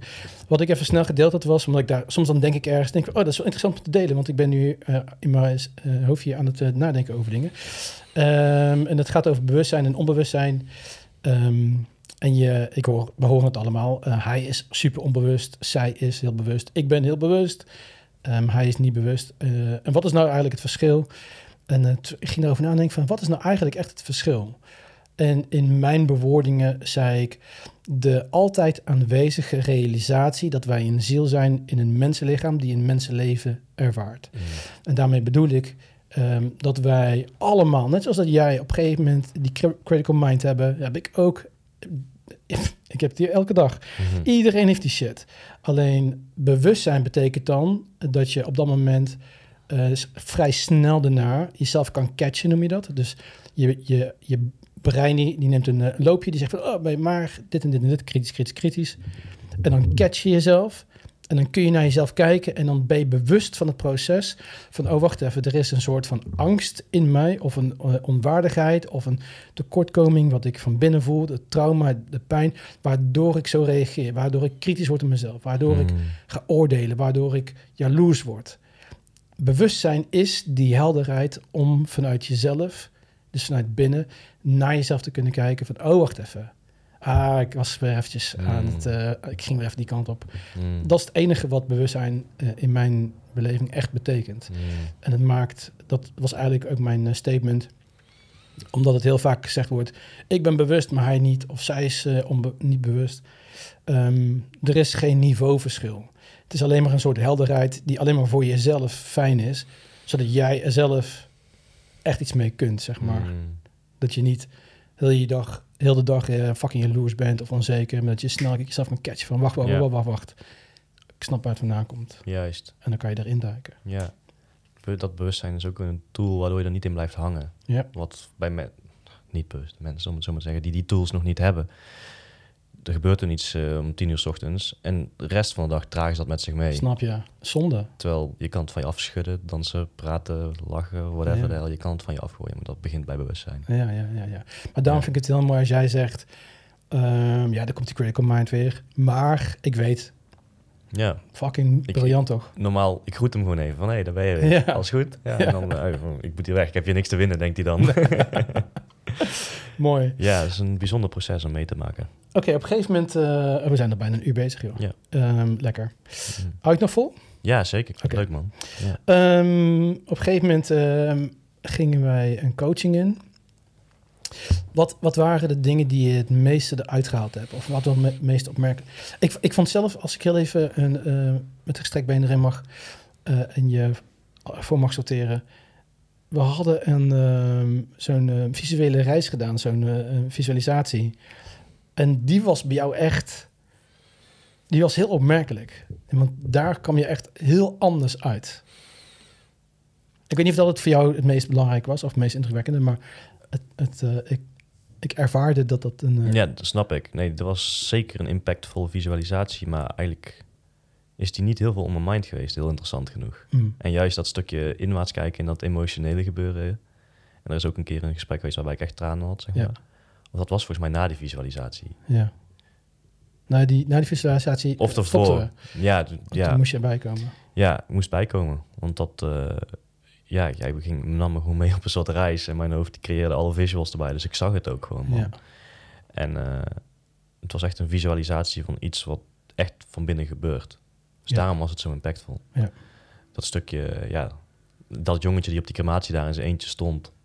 Ja. In een donker hoekje in de schaduw. Terwijl letterlijk in mijn herinnering, en ik, ik weet niet of die herinnering me nou voorligt of dat echt zo was. Was er een, de kist van mijn vader, stond een grote spotlight op waar mijn moeder stond. Vervolgens stond mijn oma daar thuis, stond een spotlight op. Er stonden eigenlijk spotlights op iedereen van mijn familie die een Mhm. bepaalde emotie toonde. Maar ik stond daar als jongetje zonder gevoel in de schaduw, in het donker. Mm. En niemand was er bij mij. Op een gegeven moment kwam er een tante naar mij toe en die sloeg, legde haar handen op mij. Maar in die visualisatie bracht je me een soort van naar dat jongetje toe die ergens opgesloten zat. En Ja. ik omhelsde hem zo van, hé, hey, ik ben hier voor je. En eh, toen hebben wij heel kort daarna hebben wij nog even contact gehad.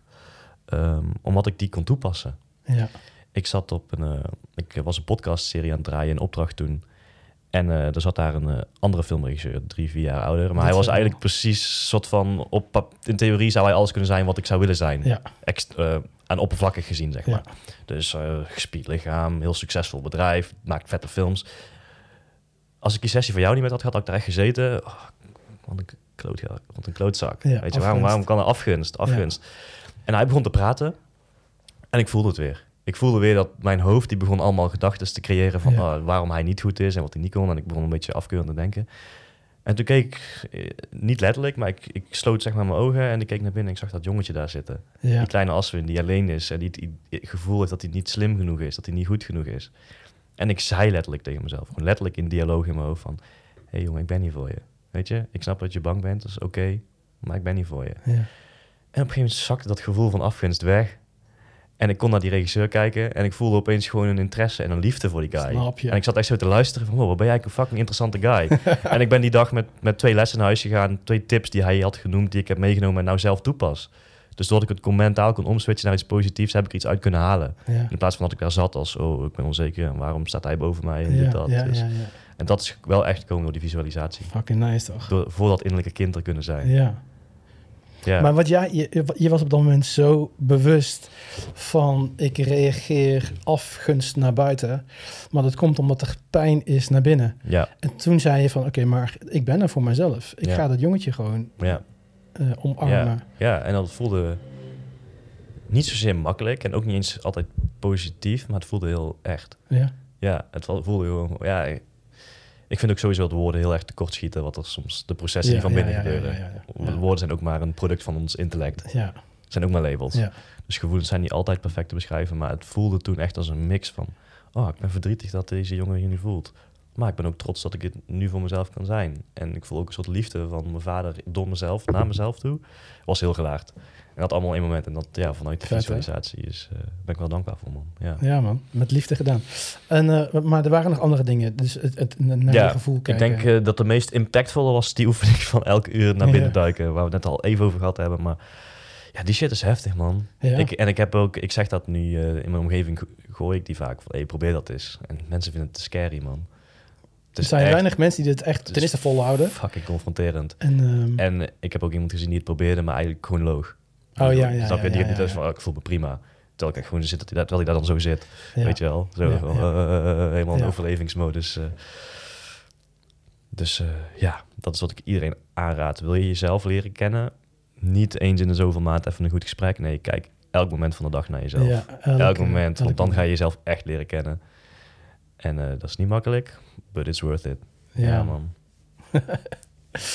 Zo mooi, man. Dit, dit, ik, ik vind het mooi dat ik het eh, nu uit kan dragen, dat ik mensen kan helpen. Mm. Maar ik heb deze shit ook allemaal zelf moeten doorlopen, weet je. En nog steeds eh, kom ik zelfs eh, mezelf tegen met de ehm, manifestaties in mijn leven. Dat ik denk van, oké, dus blijkbaar... Even open boekje bijvoorbeeld. ehm, ehm, ik wil al heel lang, zie ik voor me dat ik een, een mooi groot huis kan kopen, boerderijtje. en dat ik in die boerderij mijn business kan doen. Ehm, vrouw, kinderen, dat is gewoon waar ik eigenlijk heel mijn leven al naartoe werk. Dat zie ik al heel mijn leven voor me. En ik kan het maar niet ervaren. Ik, ik, ik krijg het maar niet in mijn leven.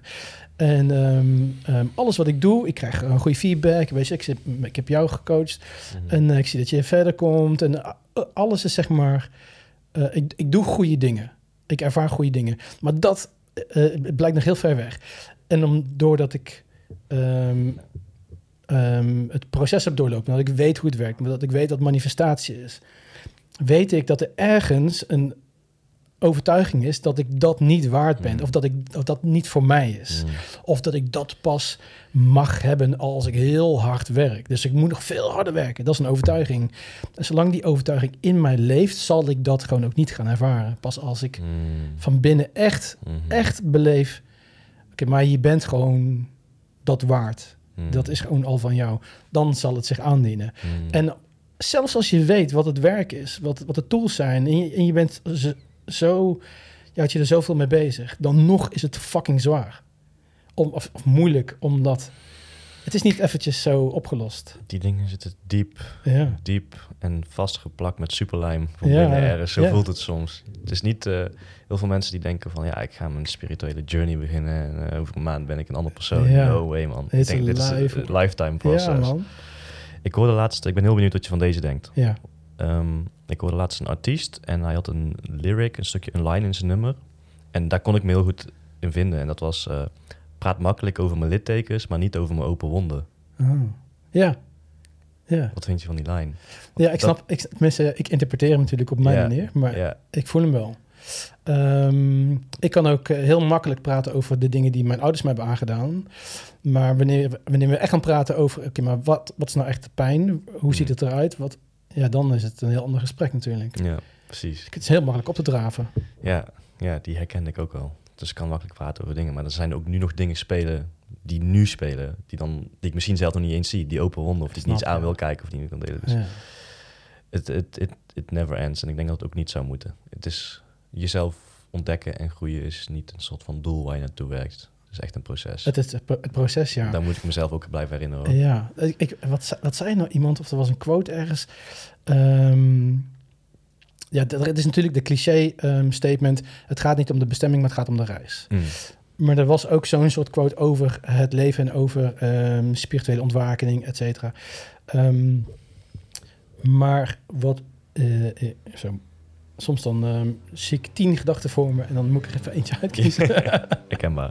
Visuele mensen, dat is echt een, Ja, man. soms dan, oké, mond dicht, want ik moet mijn eh, gedachten even ordenen. ik snap het ook niet dat eh, een, een visueel persoon zoals ik een podcast eh, start in plaats van een YouTube. Misschien juist daarom, man. Ja. Om te oefenen. Om meer inderdaad contact te maken met. eh, ehm, ten eerste, ehm, wat ik eigenlijk wilde zeggen was. We hebben het gewoon heel vaak over. Wij hebben het hier over trauma's. eh eh, mijn podcast gaat over trauma. Ik, ik coach mensen door trauma's heen. En ik ben trauma's echt gaan zien als een school. Dus onze ziel, eh, onze ziel Hmm. kiest dit leven. Ehm, dus de ziel van Jamie, tenminste de ziel die in Jamie is gekomen, die heeft gezegd van oké, ik wil in een gezin waarin dit en dit en dit gebeurt. Eh, en ik wil dat hij zo'n zo'n leven heeft, want deze dingen wil ik leren. Maar om die dingen te kunnen leren, moet het eerst heel erg fout gaan. De- want als het heel erg goed is, dan ga je dat niet leren. Mm. Dus die trauma's, dat is een, een manifestatie van onszelf in dit leven. Ik manifesteer zelf dat mijn eh, ouders dit gedaan hebben. Dan heb ik zeg maar heel veel pijn. Oké, dat is de school. Nu gaan we de lessen leren. En in die school, het leven, gaan we steeds dingen leren. En daarom eh, wil ik re- eh, reageren op wat je net zei, dat er altijd dingen zullen zijn die nog in jou zitten, in ons zitten Ja. omdat die leerschool altijd maar door blijft gaan. Die school is niet uit. Het is niet op een gegeven moment dat de bel gaat. Oké, ik ben klaar en nu kan ik eh, iets anders gaan doen. Ja. Je, je leven is je fucking school. Ja. Totdat je doodgaat, blijf je daarmee. En ik kan me ook wel voorstellen dat er mensen zijn, de Dalai Lama, weet ik van wat, die zo verlicht zijn en die bereiken dan eh, gelijkmoedigheid. Gelijkmoedigheid betekent dat er geen pieken meer is van blijdschap, maar geen dalen meer is van, eh, van eh, treur, zeg maar. Dus ehm, als, als, als zo'n Dalai Lama bijvoorbeeld ziet dat de wereld heel mooi is en, en bijtjes en bloemetjes en weet ik veel, en liefde overal, dan zegt hij, oh ja, weet je, dat is gewoon het leven. Mm. En als er heel veel mensen doodgaan in oorlogen, dan zegt hij ook, ja, dat hoort er ook bij. Dit is Mm. dus die gelijkmoedigheid. Dat als je dat bereikt, die enkele mensen in ons, op onze wereld die dat kunnen, dat dan zeg maar wel de school een beetje, een beetje afgelopen is. Dat, dan, dan is die bel wel gegaan, zeg maar. Ja. Maar dat, ik ga dat niet bereiken in het leven. Dat weet ik, weet ik nu al. Mm. Dus mijn, onze school blijft gewoon doorgaan. Als we 60 zijn of 70, dan zullen we nog steeds ook dingen hebben van, oh ja, wel, eh, ja. Ja, waarom, word- waarom word ik nou boos omdat de jongens daar aan het feesten zijn? ja. Ben ik dan zo'n Waarom ben ik nou zo geïrriteerd? Ja, dat, die vraag inderdaad. Dus dat is een blijvend proces. En ik denk eh, dat het ook... Ik denk dat de mensheid heel raar zou zijn als we allemaal Dalai Lama's zouden zijn. Ja. Dat zou niet kloppen, man. Nee, dat, zou is niet kloppen. deze wereld. Nee, dat is niet deze wereld. Dat is een andere planeet, man. Ja, ik, had, eh, ik was laatst heel erg aan het nadenken over de overeenkomsten tussen film en het leven. Oh, mooi. En als je het goed doet, is het, is het, is het hetzelfde. Want Ja. als filmmaker, je schept een stukje leven. Ja, als je het authentiek repres- representeert. Ja, ja. En uh, toen zat ik over nadenken dat je zeg maar de manier waarop films gemaakt worden, kan je als een heel mooie metafoor gebruiken voor uh, de ziel en het ego. Dus ik, uh, ik had hem als volgt. Ik hoop dat ik hem nog zo kan navertellen als ik hem toen heb opgeschreven. In principe, voordat jij geboren bent, ben je nog een ziel, een stukje licht. Je Ja. bent nog geen persoon. Maar jouw ouders die hebben al een beetje een beeld van hoe ze jou willen zien. Mm. Dus die beginnen jouw script al te schrijven. Oh. Jouw ouders zijn jouw screenwriters, jouw scenario schrijvers. Die schrijven "Dit is zo'n karakter en nu gaat dit doen en hij gaat zo worden. En dat is een sterke jongen. En, dit, dit, dit. en dat is het script. Ja. En dat script wordt eigenlijk, als je van het moment dat je geboren wordt tot, laten we zeggen, je puberteit, wordt dat script voor jou geschreven. Je schrijft hem nog niet zelf. Je Ja. omgeving, de mensen, je ouders, die schrijven dat script. Vanaf je veertiende, dan moet je gaan nadenken, hé, hey, wat gaat jouw beroep worden? hij doen? Dan ga je eigenlijk dat script pakken en die ga je regisseren. Dus je Oh. leest het script en je hebt zoiets van, oké, nu ga ik deze film regisseren. En zoals je weet, een filmmaker die eh, visualiseert zijn script. Dus die gaat nadenken, oké, wie is mijn karakter? Wie is mijn film? Ik ben een eh, skater, dus ik draag dit merk van schoenen. Dus je gaat eigenlijk je karakter, je gaat je verhaal regisseren en aankleden als een art director, als een regisseur. Ja. Maar wat het dus is, als jij je identificeert met die film en de titel van die film is jouw naam. Ja. Dus de film van jouw leven is Jamie en die hebben je ouders ooit geschreven. ja. En nu kun je ervoor kiezen om die van je rest van de leven, of van je rest van je leven dat script te schrijven, te regisseren. Ja. Of je gaat bewust worden van dat verhaal en je gaat hem herschrijven. Ja. En jezelf de regie terugpakken. Dezelfde regie Ja. terugpakken. Ja, dat is echt, die, die schoot laatste winnen en ik was iets van, wow, dat is echt Mooi, een ja, fijne ja. manier om het leven te visualiseren, want zo voelt het. Want wat ik zei, wat ik bedoelde met dat stukje identificeren met je verhaal. Dus hebben allemaal het idee dat we een bepaald persoon zijn. Dit ben ik niet en dit ben ik wel. Ja. En dat creëert een bepaalde verwachting. Dus als er dan in jouw buitenwereld iets gebeurt wat botst met dat verhaal, dan ervaar je onrust. Dan is je leven uit balans. Dus Ja. eigenlijk hoe minder je identificeert met je naam, met de titel van je film, zeg maar, met Aswin, hoe vrijer je bent. Ja. Je, net als wat Raamdas zegt uit Amerika, becoming nobody. Is uiteindelijk de ultieme vorm van spiritualiteit. Ja, ja, ja. Gaat mij nooit lukken, wil ik misschien ook niet eens. Nee, het is heftig, maar... Ik speel graag mijn Aswin film uit, zeg maar. maar ik vind het wel fijn om soms hier en daar een scène te herschrijven. Of een paar dingen in de karakter te herschrijven. Ja. Ik hoef niet dat personage te zijn die mijn jeugd me heeft gegeven als script. Dus Nee. Het is een beetje een duidelijk. Ja, ja, heel, duidelijk zelfs. Ik vind het juist een heel mooie, heel mooie benadering. En eh, er komt iets binnen van eh, de, de studie bij de Robert Bridgman College of Academy die ik gedaan heb. Eh, en dat ging ook over het ik ben. En er is een plaatje van een auto die helemaal uit elkaar gehaald is. Eh, Dus Mm. alle onderdelen van die auto is, eh, is los. En dan ehm, wijs je bij wijze van spreken naar het wiel. En dan zeg je, is dit de auto? Zeg, nee, dit is een wiel. Mm. Ze- en een dak, is dit de auto? Nee, dit is het dak, Mm. et cetera, et cetera, et cetera. Oké, maar wat is dan de auto? Ja, de, de, de, de auto is niet meer, het zijn losse onderdelen. Oké, dus de auto is het geheel, zeg maar. Dus het ik ben is niet onze naam, is niet onze opvoeding, is niet onze pijn, is niet onze overtuiging, is niet onze failures en noem maar op. Al die dingen. Ook niet ons been, voet, te- teen, eh, vingers. Dat is allemaal niet Jamie. Maar wat is Jamie dan wel? Ja, alles bij elkaar. Mm. Oké. En eigenlijk is het misschien niet ehm, ehm, één op één wat je vertelt, maar het staat tegenover elkaar omdat het hetzelfde principe eh, eh, aangeeft. Eigenlijk is het ik ben, zeg maar, inderdaad, die ziel die van binnen zit, of eigenlijk daarachter nog. En al die andere dingen, dus die, zoals jij dat dan zegt, script en het verhaal, Mm. en dat is allemaal niet wie wij zijn. En zodra we ons gaan identificeren, en daar wil ik eigenlijk naartoe, gaan identificeren met die dingen, dan gaan we eigenlijk, zijn we eigenlijk verloren. Want Mm. dan, dan identificeer je met pijn, identif- identificeer je met onwaardigheid, et cetera, et cetera. Juist. Terwijl wat je zegt, als je dat becoming nobody, als je dus diep naar binnen gaat en al die dingen van je afscheidt, dat ben ik allemaal niet, ik ben, en dan in één keer is alles vrij. Mm. Dan is Ja. alles mogelijk. Ja, man. Dat is ook wat Jim Carrey bijvoorbeeld ervaren heeft. Ja, Die- en, eh, is zo cool, omdat hij de mask speelde. Dus hij speelde een persoon met de masker op. En hij heeft nou ook van, ja, ik ben niemand meer. ja. Ik ben niet die personages, ik ben niet Jim Carrey. En daar, ja, dat, ik probeer daar ook zoveel mogelijk naartoe te stappen. Maar niet, ja, zoals ik al zei, ik hoef dat niet compleet te worden. Nee. Ik, ik wil ook gewoon lekker mens kunnen zijn, want daardoor blijf ik ook goed in het, in het vak. Ja, ja, ja, ja, maar goed dat je het zegt, want ik wil net onderstrepen, Oh. wij hebben natuurlijk gekozen als ziel om een mensenleven te leiden. mm. Dus Hoe bedoel je dat? Hoe bedoel je dat? Nou, wat jij zelf al zei, dus met, met, met die film van je, dus Ja. eh, eh, je, we zijn een ziel. Ja. Ten eerste, oké, misschien even van, van buitenaf. Je hebt het al. Het al is dus de source. Wij komen allemaal van het al. We zijn allemaal onderdeel van het al. Wij zijn allemaal onlosmakend, allemaal energie, één grote bol energie, onderdeel van het al. Als een afsplitsing van het al, want het al wil zichzelf ervaren in oneindig veel mogelijkheden. Een afsplitsing daarvan is een ziel zoals jij die hebt en ik. Mijn ziel heeft in elk leven gekozen van oké, ik wil nu gemanifesteerd worden op aarde in de 3D-wereld uh, als een um, multidimensioneel wezen die een bepaalde les gaat volgen. Ik wil een bepaalde groei doormaken. Ik wil het leven ervaren, zodat ik mijzelf kan ervaren. Oké, dan ga, waar, ga ik dat doen op deze aarde? Oké, dan ga ik dat doen bij die en die mensen als ouders. En dan ga ik dat leven ga ik dan leiden. Dus die ziel die komt op aarde in het leven, in het menselijke leven, de, uh, de multidimensionele manifestatie van uh, wie ik ben. En in dit lichaam gaat deze ziel in de rol van Jamie, de rol, we hebben het eerder over gehad, hè? de rol van Jamie, gaat hij dit leven leiden? Hmm. Gaat hij al die dingen ervaren? En hoe doen we dat? Eerst trauma's manifesteren, super kut voor Jamie, maar dat is nou eenmaal de school. Leren, leren, leren, leren, leren. En dan sterft hij en dan zegt de ziel van ik ga terug weer naar de bron of ik wil een andere les leren in een andere manifestatie, in een ander mens, in een andere, in een andere vorm.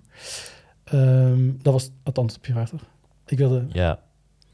Uh, wow, mijn vraag, ja, mijn vraag was, ja, ja, hoe bedoel je dat? Zeg maar, je, je kiest, je kiest zeg maar als ziel zijnde. Ja, ja, ja, ja.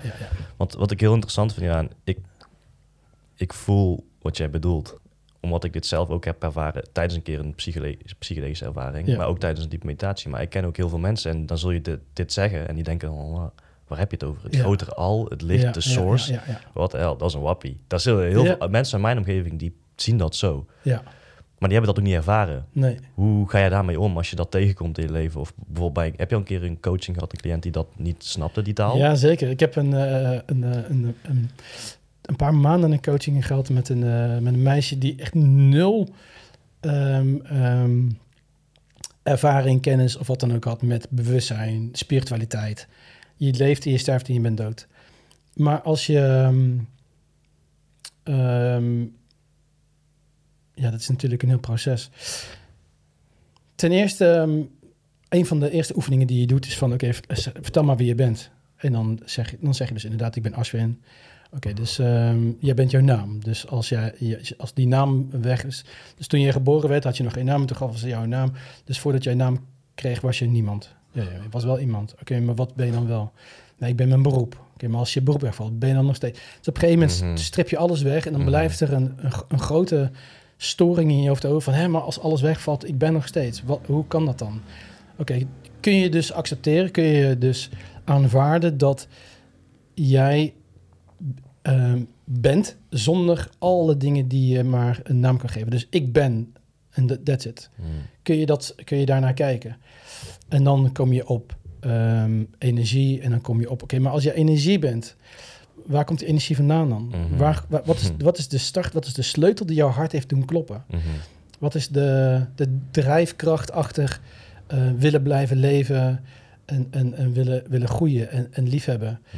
En op een gegeven moment ga je, maar je, je komt dan elke keer tegen, het, uh, tegen die botsing van, oh ja, maar ik ben iemand die dit. Oké, maar als ze dat nou weghalen. Dus elke keer als iemand reageert met ik ben dit, maar dat halen we weg. Wat blijft er dan over? En op een gegeven moment kom je op een punt en dan raak je nieuwsgierig van, oké, maar wat dan wel? Mm. En ik ben helemaal niet zo van. Uh, je moet geloven dat wij allemaal één zijn. Je moet dit geloven, je moet dat geloven. Maar stel in ieder geval jezelf open uh, om naar binnen te kijken, dieper naar binnen dan naar buiten. Want we halen allemaal identificatie uit, de buitenwereld. Maar de identificatie zit mm -hmm. dus dieper in je, mm. in het ik ben. Mm. En um, maar ja, ik heb haar boeken gegeven en ik heb haar filmpjes gedeeld. En op een gegeven moment dan deel je dingen zoals um, um, dat boek van Tijn Tauber. En dan eh, deel je dingen over uh, de, de verschillende dimensies. En op een gegeven moment gaat het gewoon resoneren met je. Mm. Mm. Ja. Hoe, de, de, de, de hamvraag dus die je eigenlijk stelt is, hoe maak je iemand bewust? Van dat. Van ja. dat, ja. ja. Ja, eigenlijk wel. Je kan alleen maar de deur laten zien. Hmm. Je kan alleen maar zeggen van, oké, achter deze deur is die informatie. En introduceren wat er allemaal te vinden is. En als ze nog vasthouden aan... Heb je het, weet je wat het 3D, 5D, 6D, uh, wat die dimensies zijn? Hebben we daar een keer over gehad? Ik ga het proberen zo goed mogelijk uit te leggen, want het is altijd een, een oefening om dit zo goed mogelijk te doen. Een stip is, is 1D, Mhm. dus eendimensionaal. De, het al is een stip. Er is geen kant Mhm. waarvan het de stip zichzelf kan bekijken. Kijk, De stip is het, eh, en de stip is alles. Er is gewoon niks anders dan die stip. Mhm. Als de stip zichzelf wil zien, als die stip zichzelf wil ervaren, dan moet er een andere stip komen. Dus hij dupliceert zichzelf in een andere manifestatie. En van, dus A, B. En vanaf B, dat is, dat is tweedimensionaal, vanaf B kan hij naar A kijken en zeggen, oh, maar zo zie ik eruit. Mhm. Oké, dus dan hebben we eh, A en B de tegenpolen. En omdat de, die tegenpolen zijn ontstaan, dus hij manifesteerde het al manifesteerde zichzelf in, de, in B, in de tegenpool, dan krijg je dus eh, twee polen die energie kunnen ontstaan. En zo is eigenlijk de manifestatie van 3D ontstaan. Mhm. Want 3D is dat als je A en B hebt, die kunnen alleen maar, B kan alleen maar A zien, A kan alleen maar B zien. Dus het kan zichzelf alleen maar ervaren als de ander, maar het kan niet zichzelf ervaren als de waarnemer. Mhm. Om zichzelf te kunnen waarnemen als de waarnemer is er dus een, B- een C nodig. Dus manifesteerde de C, dus dan krijg je dus drie polen, drie Oh, dimensies. En vanaf, vanaf de C kan hij kijken van... oké, maar ik ben, ik ben ook dat... en ik neem waar dat ik naar mijzelf kijk. Hmm. En wij hebben allemaal een waarnemingsvermogen. Dus jij kunt nu uit jezelf stappen... naar jezelf kijken en zeggen van... oké, eh, ik Ashwin, ik voel mij nu best wel relaxed... want het leuk gesprek of wat dan ook. Mhm. Of ik voel me heel erg kut, want eh, eh, weet ik wat. Jij kunt jezelf waarnemen. En dat is dus zeg maar die derde dimensie. In die drie dimensies waar wij nu in leven, want je hebt zeg maar de tegenpolen. Dus wij kunnen A en B zien. Wij kunnen allemaal zien en ervaren wat de plus en de min is. Wij zijn niet onderdeel van die plus en min. Tenzij eh, bij bijvoorbeeld een, een partner, een vrouw of een, een, een, een man, wat dan ook. Dan heb je in één keer wel zeg maar die tegenpool. Dan heb je een derde persoon nodig om te kunnen zien van jullie zijn tegenpolen. Maar Hmm. alles wat wij zien is ehm driedimensionaal. is allemaal bij elkaar gehouden door die tegenpolen. In de vierde dimensie, ehm, om die wereld zeg maar bij elkaar te houden, om die, die dimensie bij elkaar te houden, is er de vierde dimensie van tijd. Tijd en ruimte. En door middel van tijd kunnen wij dus eigenlijk om ons heen kijken en het leven Mhm. ervaren vanaf een A-punt naar een B-punt. Dus we Mhm. kunnen van de geboorte naar ons sterfte, kunnen wij het leven ervaren. Als er geen ruimte was en geen tijd, dan hadden wij zeg maar na- naar A en B gekeken als een pol, als een A-B-punt die tegelijkertijd bestaat. Mhm. Dus we hebben tijd nodig, die vierde dimensie, om te kijken naar van, oh, maar om van A naar B te gaan, heb je dus ruimte nodig. Want er moet ruimte tussen eh, bestaan in een bol van ruimte en tijd. De vijfde dimensie, dat is dus, je hebt nu een, eh, een, eh, een driehoek. En in die vijfde dimensie, dat, dat is eigenlijk, ik doe eventjes zo, omdat je vanaf die, dat driehoek trek je twee punten, dus de boven en dan heb je een diamant. Vanaf de vijfde dimensie kun je zien dat A, B en C eigenlijk alleen maar te meten is als in een tijdslijn van A naar B in die vierde dimensie. Maar vanaf de vijfde dimensie kun je zien dat alles alsnog tegelijkertijd is. Is het daar eigenlijk ook weer een stip? Maar Het zijn twee, het zijn, twee stippen, van boven en beneden. Ja. Dus je kan van boven naar beneden kijken en van beneden naar boven. Mhm. En omdat wij zeg maar nu naar tijd en ruimte kunnen kijken, waar binnen dus A, B en C is, dus waar, elk, waar ze elkaar naar elkaar kijken, waar ze binnen ze kunnen reizen en zien van oké, dit duurt zo lang in die ruimte, dit is de afstand die meetbaar is. Vanaf de vijfde dimensie kunnen we dat zien. Mhm. En omdat wij vanaf de vijfde dimensie, het is een perspectief, kunnen zien dat tijd en ruimte eigenlijk alleen maar een middel is om die, die dimensies bij elkaar te houden, Mhm. realiseren wij dat tijd en ruimte eigenlijk niet bestaat, behalve in de derde dimensie. Dus behalve in deze wereld. Mhm. Omdat het de koepel is, zeg maar, de vierde dimensie. Maar buiten die Mhm. koepel heb je de vijfde dimensie. In de vijfde dimensie, in het vijfde perspectief, zijn er mensen die nu op deze aarde bestaan. Die kunnen overal tegelijkertijd zijn. Dus die kunnen bijvoorbeeld nu hier zitten en dan die, die doen zo en die zijn dan ergens anders. Want hun bewustzijn, hun bewustwording, verplaatst zich naar een andere plek binnen die derde dimensie. Die binnen die vierde dimensie Mhm. eh, mag bestaan. In de zesde dimensie, en daar ben ik nu beland met mijn eh, studie en proberen te begrijpen. En ik ga daar nog eh, regelmatig stuk op, want het is geen makkelijke materie. In de zesde dimensie, ik weet niet precies waar, het, het is Op een gegeven moment wordt het een soort, een soort bol met heel veel hoeken. Want er zijn volgens mij 22 dimensies waarvan 11 wij kunnen uitleggen. Maar in de zesde dimensie weet ik alleen dat wij de mogelijkheid krijgen, dat wij de kracht krijgen, de, de, de, de kunde om ons eigen universum te creëren. En dit was voor mij heel erg mindblowing. Want als wij realiseren dat wij ons eigen universum creëren in de zesde dimensie, in welk universum zitten wij nu dan? Dan zit jij mogelijkerwijs in jouw universum. Zit ik in mijn universum. Dan hebben we het al eerder gehad over manifestatie. Wij manifesteren in onze buitenwereld wat we binnen voelen.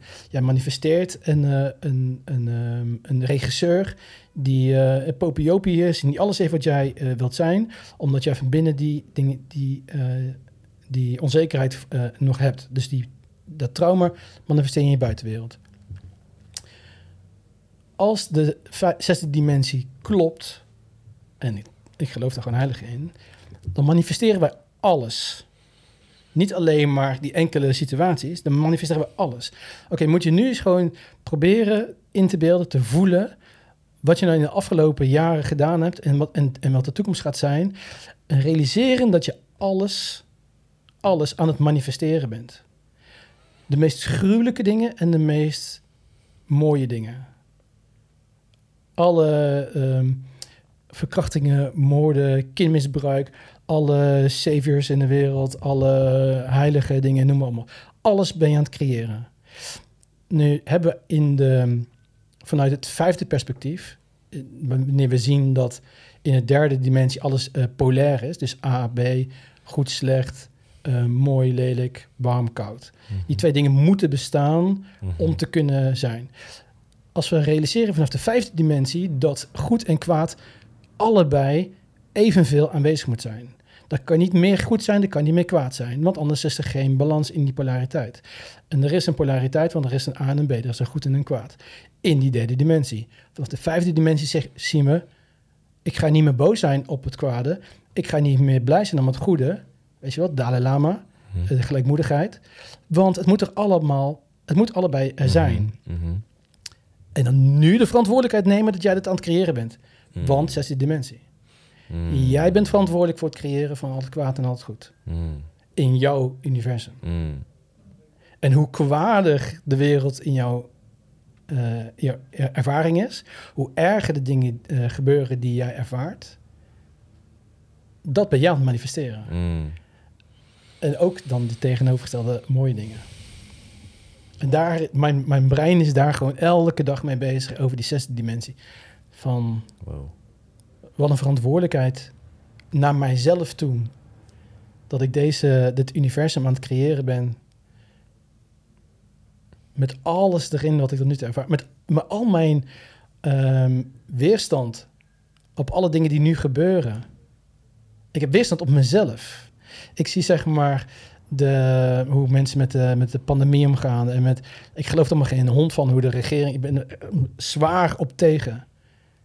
Maar ik heb weerstand op iets wat ik zelf creëer. Maar waarom creëer ik een wereld die er dan zo uitziet? Omdat ik dus balans moet houden in, die, in, die, in het goed en het kwaad. Het moet er allebei zijn.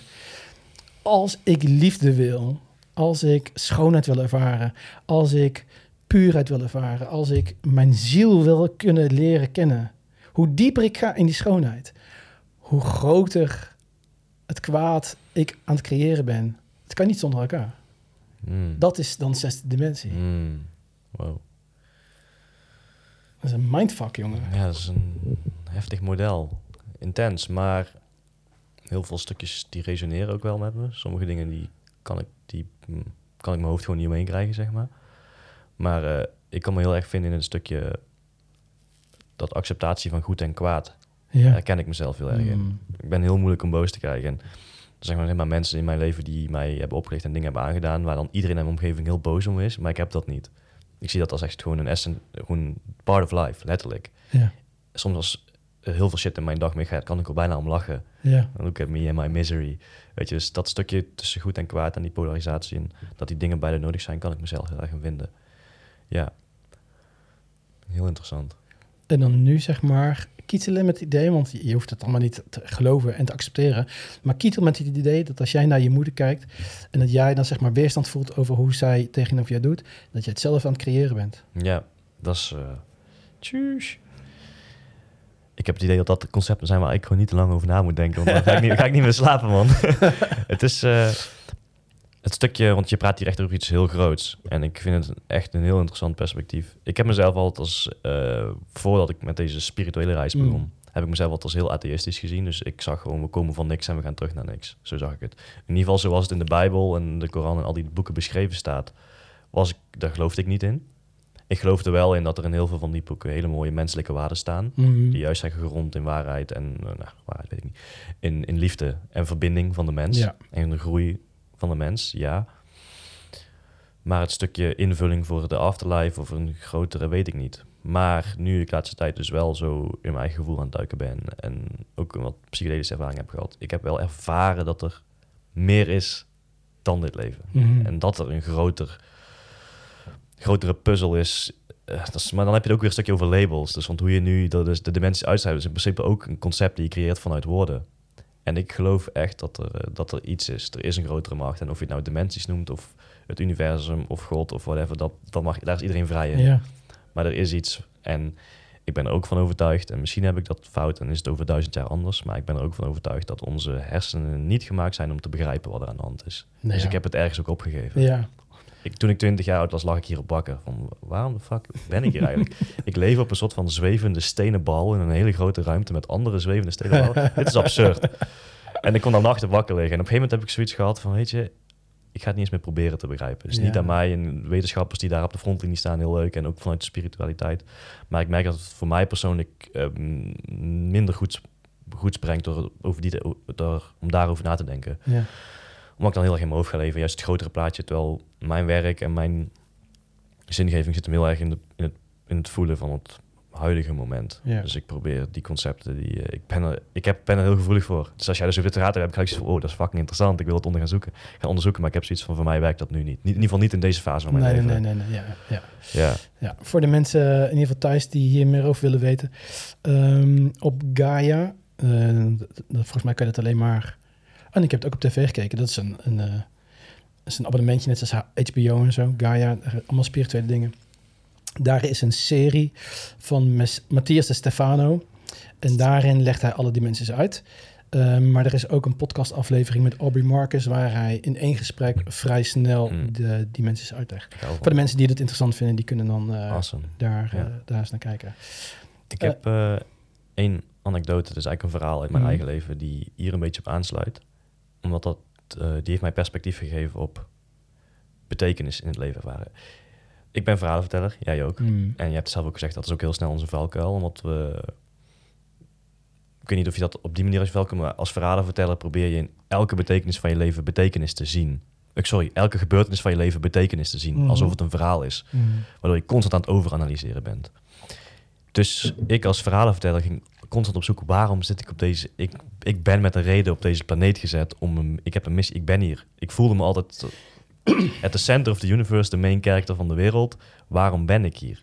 Ik ben hier met een reden. En dat heb ik heel lang gedacht. Totdat mijn opa een verhaal vertelde. En de conclusie van het verhaal was dat ik hier ben uit pure toeval. Oh, ja. Mijn opa is eh, soldaat geweest, Ah, Indonesië. ja. En ehm, hij was ergens in een dorp, eh, moest hij bezetten. En toen uiteindelijk eh, kwam de Indonesische leger kwam daar aan. En eh, die hadden gewonnen. En eigenlijk stonden mijn opa en zijn kameraden stonden op een rij om geëxecuteerd te worden. Wow, what the fuck. En drie vrienden van hem. En toen was mijn opa aan de beurt. Die was, zou, op dat punt zou hij doodgeschoten worden. Maar toen kwam er opeens een... eh, mijn opa beschreef het als een Indonesische generaal. Een man in een wit pak. kwam langsgelopen. En die tikt die jongen aan die het pistool op mijn opa's hoofd had. En die kijkt naar mijn opa en die legt zijn hand op zijn kin. En zegt zo, deze niet.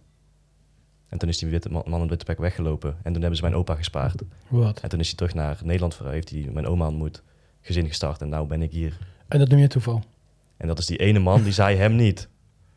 Weet ik niet. Is dat toeval? Is dat geen toeval? Nee, ik geloof echt gewoon niet dat het toeval is. Nee? nee, man. Dus klink, klink- klinkt het als toeval voor jou? Klinkt het, klinkt het als eh, iemand die, die toevallig langskomt en die zegt van... eh, nou, weet je wat? Maar oké, oké, oké. Dus- Dus in het geval dat het geen toeval was, Een man in een witte pak. Heeft iemand tegen hem gezegd, die familielijn moet doorzetten. Hun, hij betekent nog iets voor de wereld. Hij, dat, dat doesn't make sense to me. Ik heb juist het gevoel dat het toeval is allemaal. Ja? En dat wij mensen uit toeval betekenis zoeken. Ah, ja. Mooi is dat. Dat is mijn perspectief. Ah, ja, ja, prima. Geloof ik. Eh, helemaal oké. Hmm. Ik geloof dat toeval gewoon echt helemaal niet bestaat. Hmm. Ehm, maar daar, daar hoeft helemaal geen waardeorde aan te hangen. Nee. Ehm, eigenlijk wat ik altijd tegen uh, mijn cliënten zeg, is het verhaal is onbelangrijk. Wat belangrijk is, is de emotie. Hmm. Eh, nu wil ik niet zeggen dat dit, verhaal onbelangrijk is, maar um, wij kijken, want je zei van uh, ik, uh, wij, ervaren dingen en halen betekenis uit, eh, uit die ervaringen. En jij en ik zijn verhalen vertellen, dus inderdaad, wij kijken heel snel naar dingen van, oh, wat is het verhaal erachter? Maar in het um, helingsproces, in het ervaren van het leven, is het eigenlijk helemaal niet zo belangrijk wat het verhaal is, behalve dan wat we ervaren. Want een mens zonder emoties die door het leven gaat, eh, totaal nutteloos. Maar emotie die evolueert en die het leven ervaart, dat is eigenlijk waar het allemaal om draait. En de verhalen, dus de ervaringen die op ons pad komen, die emoties creëren, zijn er eigenlijk alleen maar om die emoties te creëren. En waar wij naar mogen kijken is naar die emotie. Dat is wat van belang is. Mm. En we kunnen dan zeg maar, uh, soms dat doen we dat, ook ik. Dan hebben we een emotie en dan kijken we continu maar naar de, de creator van de emotie. Dus dan kijken we naar, dat zijn we zelf, maar dan denken we dat is dan papa of mama of die klootzak in het verkeer die niet kan rijden of wat dan ook. Dus we kijken van, ja, jij mhm. bent het verhaal, jij bent dit en dit. Ja. Maar als we maar kunnen loslaten van het verhaal, als we maar gewoon kunnen kijken van, oké, bedankt voor het brengen van de emotie en de ervaring wat is nou mijn ervaring in het leven, mijn emoties? Hoe voel ik mij? Ik voel me uh, geïrriteerd.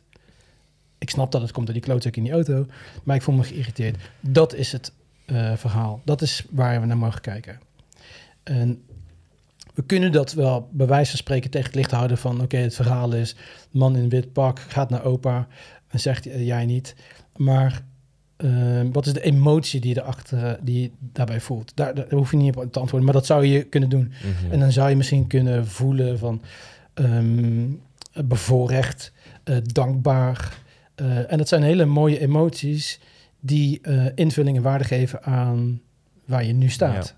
Ja. ja. En misschien ook compassie. Want, oh, compassie. Ik denk dat door die man, omdat hij op dat moment vergevingsgezind was, of compassie ervaarde naar die man, hij zag iets in mijn opa. Ja heeft hij dit gecreëerd wat hier nu zit in conversatie met jou. Ja. Als hij die dag twee minuten later was aangekomen, of één minuut eerder, of, of whatever, of in een slechte bui was, dan was ik er nou niet. Ja.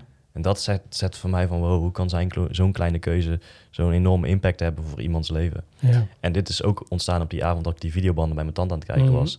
Want er was een stukje van een verjaardagsfeestje toen allemaal kinderen waren en mijn opa en oma stonden daar. En ik had echt de week daarvoor dat verhaal gehoord van mijn opa, van mhm. met die man. En toen dacht ik van, wow, als die man in dat witte pak toen niet die keuze had gemaakt, was dit hele feestje. Van hoe mijn opa daar heel onschuldig stond met zijn kleinkinderen doosjes te vouwen en dat soort dingen was niet gebeurd als die man die keuze niet had gemaakt. Dus toen had ik zoiets van nee man, er is geen voorbestemde. Maar wat, wat voelde je toen, toen je dat zag?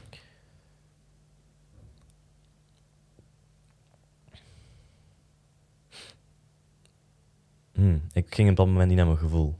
Mm, misschien is dat ook interessant. Ik ging meer van holy shit, life is crazy. Zo, dat was eigenlijk mijn gedachte van damn, als die guy toen niet de keuze had gemaakt, dan had mijn opa. Het was ook een, nou, er zat een soort nostalgie, een soort bitter soort verlangen naar weer bij mijn opa zijn en de simpelheid van de jeugd. En, maar ook gewoon, ik zag mijn opa als man zijnde, die daar naar Indonesië was uitgestuurd om te vechten voor iets waar hij zelf helemaal niet in geloofde. Ja. En die dan op punt stond om geëxecuteerd te worden voor iemand anders. Voor iemand anders. Ja, maar dan dat hij op gespaard is op dat moment en een kans heeft gekregen in het leven. En daar eh, allemaal kleinkinderen en allemaal dingen zijn uitgekomen waar mijn opa zoveel geluk uit heeft gehaald. Ja.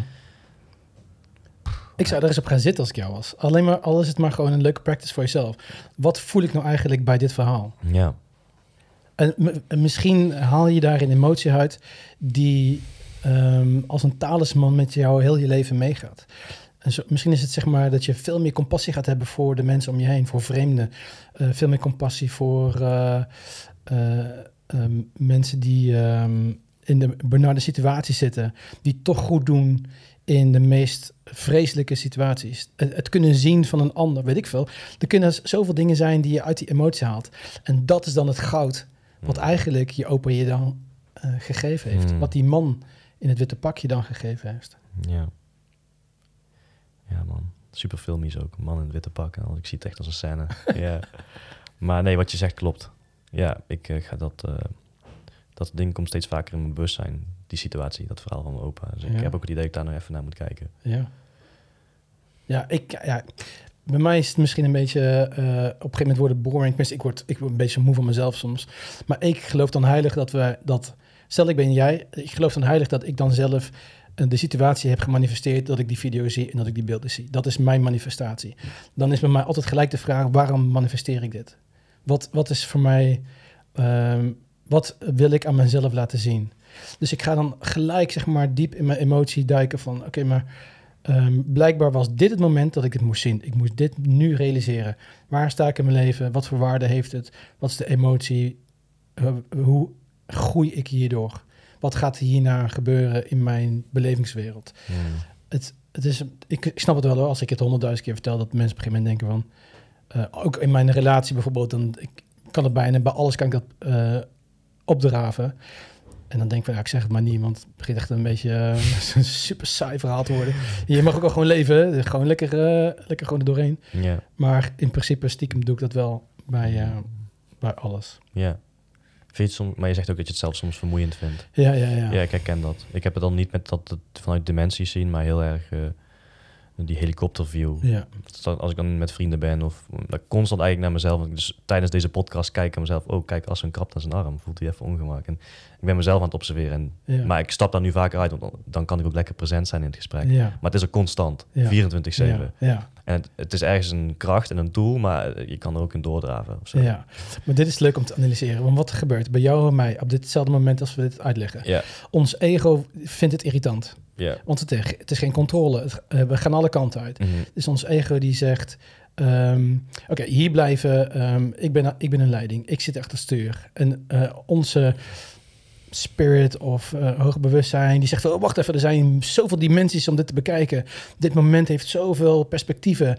Ik wil het allemaal ervaren. En ons ego zegt, "Pff, man, kappen nou, weet je wel. Ik wil gewoon hier blijven en gewoon lullen en water drinken... en een podcastje opnemen. Ja.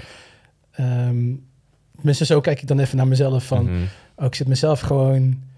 Weerstand is altijd, ehm, zeg maar, het niet accepteren van dat wat is. In de zin van je ego wil dat het anders is. Oké, mijn ego wil dus dit. Ik heb weerstand op dat. Oké, dus dan zegt mijn ego, mijn ego vindt het niet leuk. Mijn ego wil als enige achterstuur blijven. Maar ja, Mm. soms is dat. Hoe wakkerder je wordt, zie je bewustwording. Hoe Mhm. wakkerder je wordt, hoe moeilijker misschien wel het ervaren van momenten zijn. Omdat je gewoon continu meerdere perspectieven eh, aan het bekijken bent. Ja. Ik zit nu even hard op te denken. Ik zeg Nee, niet dat ik- het... maar het, het, het resoneert enorm. Zo ervaar ik het ook. ja, En eh, het is een kracht en het geeft je dingen. En je kan andere mensen ermee helpen, maar je zit soms jezelf ermee in de weg. ja, Een van mijn angsten daarin is gewoon met spijt op mijn sterfbed liggen straks.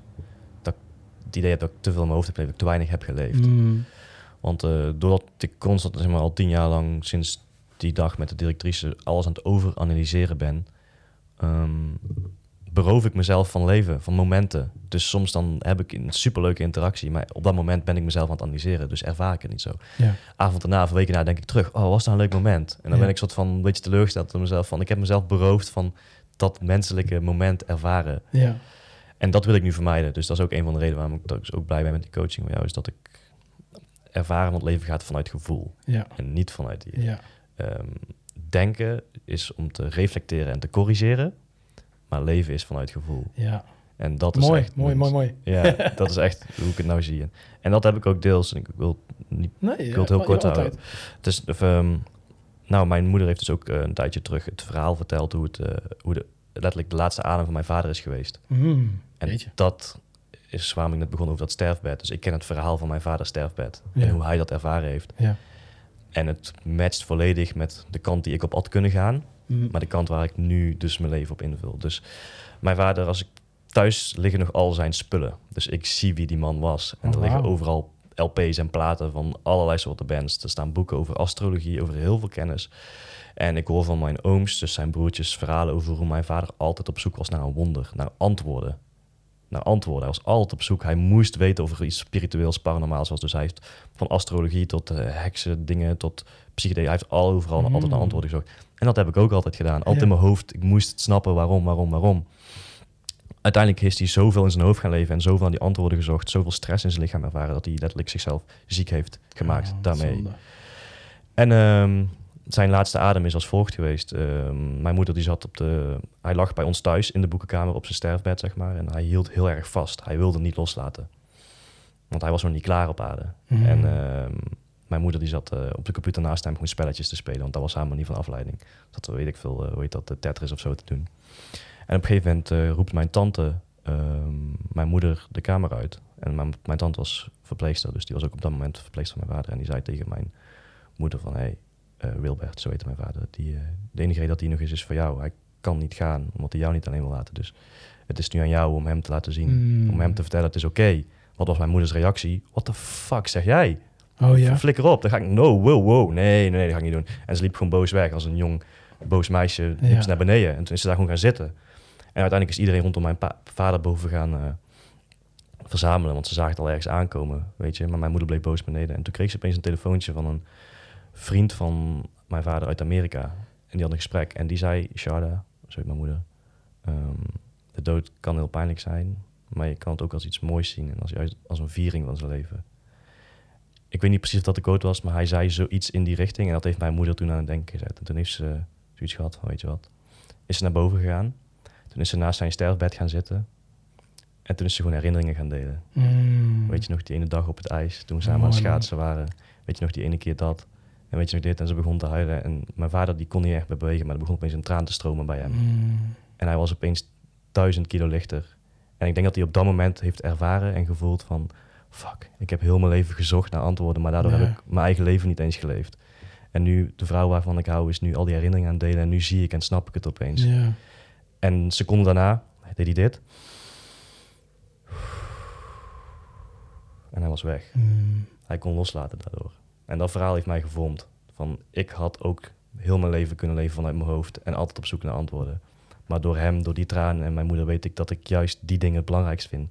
Die kleine interacties met mijn familie. Die kleine interacties met mijn vriendin en met mijn neefje en mijn nichtje. En gewoon de relaties en die dingen.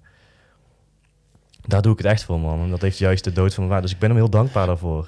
Super pijnlijk en ik mis die gast. Maar doordat hij die fout heeft gemaakt en dat pad heeft gelopen, snap ik nu hoe ik het anders wil doen. Mm. En geeft het mij richting en hopelijk ook richting als ik zelf straks een kind krijg. Dus, Zo bizar. Ja. Maar ehm, zie je hoe ehm, ehm, minuscule momenten eh, je vormen, of hervormen zelfs. Gewoon heel je, heel je gedachtenstructuur, heel je overtuigingen, heel je emotionele kompas. Alles switcht door Boom. een bepaalde ervaring. door een verhaal van iemand. Ja. En ja, ja man, that's what happened to me. Dus eh, dat is ook wat ik eigenlijk aan iedereen wil meegeven. Eh, leef een leven dat je gewoon op je sterfbed kan liggen met voldoening.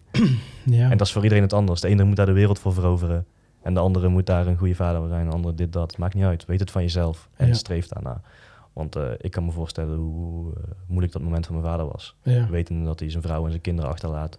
En weet dat hij zichzelf een beetje heeft verraden door constant te zoeken naar iets. Ja, ja eh, er kwam nog iets in mijn hoofd binnen wat ik erbij wilde zeggen. Is dat ik, ik vertelde bijvoorbeeld nu hier bijvoorbeeld heel veel dat ehm, hoe ik alles vanuit verschillende perspectieven bekijk. En dat doe ik ook echt. Maar wat mensen wel mogen realiseren, en dat wil ik ze ook meegeven, en dat doe jij nu eigenlijk ook, maar ik vertel het even in andere bewoordingen, is dat juist de momenten zelf ehm, jezelf ook helemaal la- loslaten. Dus gewoon echt helemaal overgeven aan het moment om te ervaren. En juist ook voelen wat je voelt. Dus als je verdriet voelt, niet een beetje verdriet, gewoon vol verdriet. Als je blijdschap voelt, niet een beetje eh, blijdschap, want ik moet me rustig houden, want andere mensen, nee, gewoon fucking vol gas erin. Ervaar juist al die momenten met die emoties, want daar gaat het om. En dan daarna, dus daar heb ik het dan heel over, en dat zeg jij dus nu ook. Daarna, eh, wat ik dan doe, is van heel veel perspectief bekijken, heel veel bekijken van, oké, maar wat gebeurt er nou eigenlijk, wat ervaar ik, maar wel met mijn ogen continu op de emotie. Maar dat wil dus niet zeggen, inderdaad, dat bij elke situatie ik gelijk in, mijn hoofd zo van, oké, maar wat gebeurt er nou? Nee, het is juist, oké, maar dit gebeurt er nu, oké, wat voel ik, wat voel ik? Kom maar. Mm, Weet je wel, ik wil juist het moment echt ervaren. mm.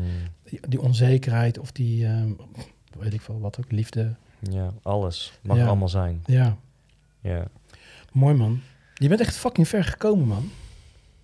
En je bent nu, hoe oud ben je? 28. Oké, nou man, ik ben fucking 47. En ehm, ik ben, wat jij, waar jij nu bent, zeg maar, daar heb ik de afgelopen jaren ehm, aan gewerkt. Ja.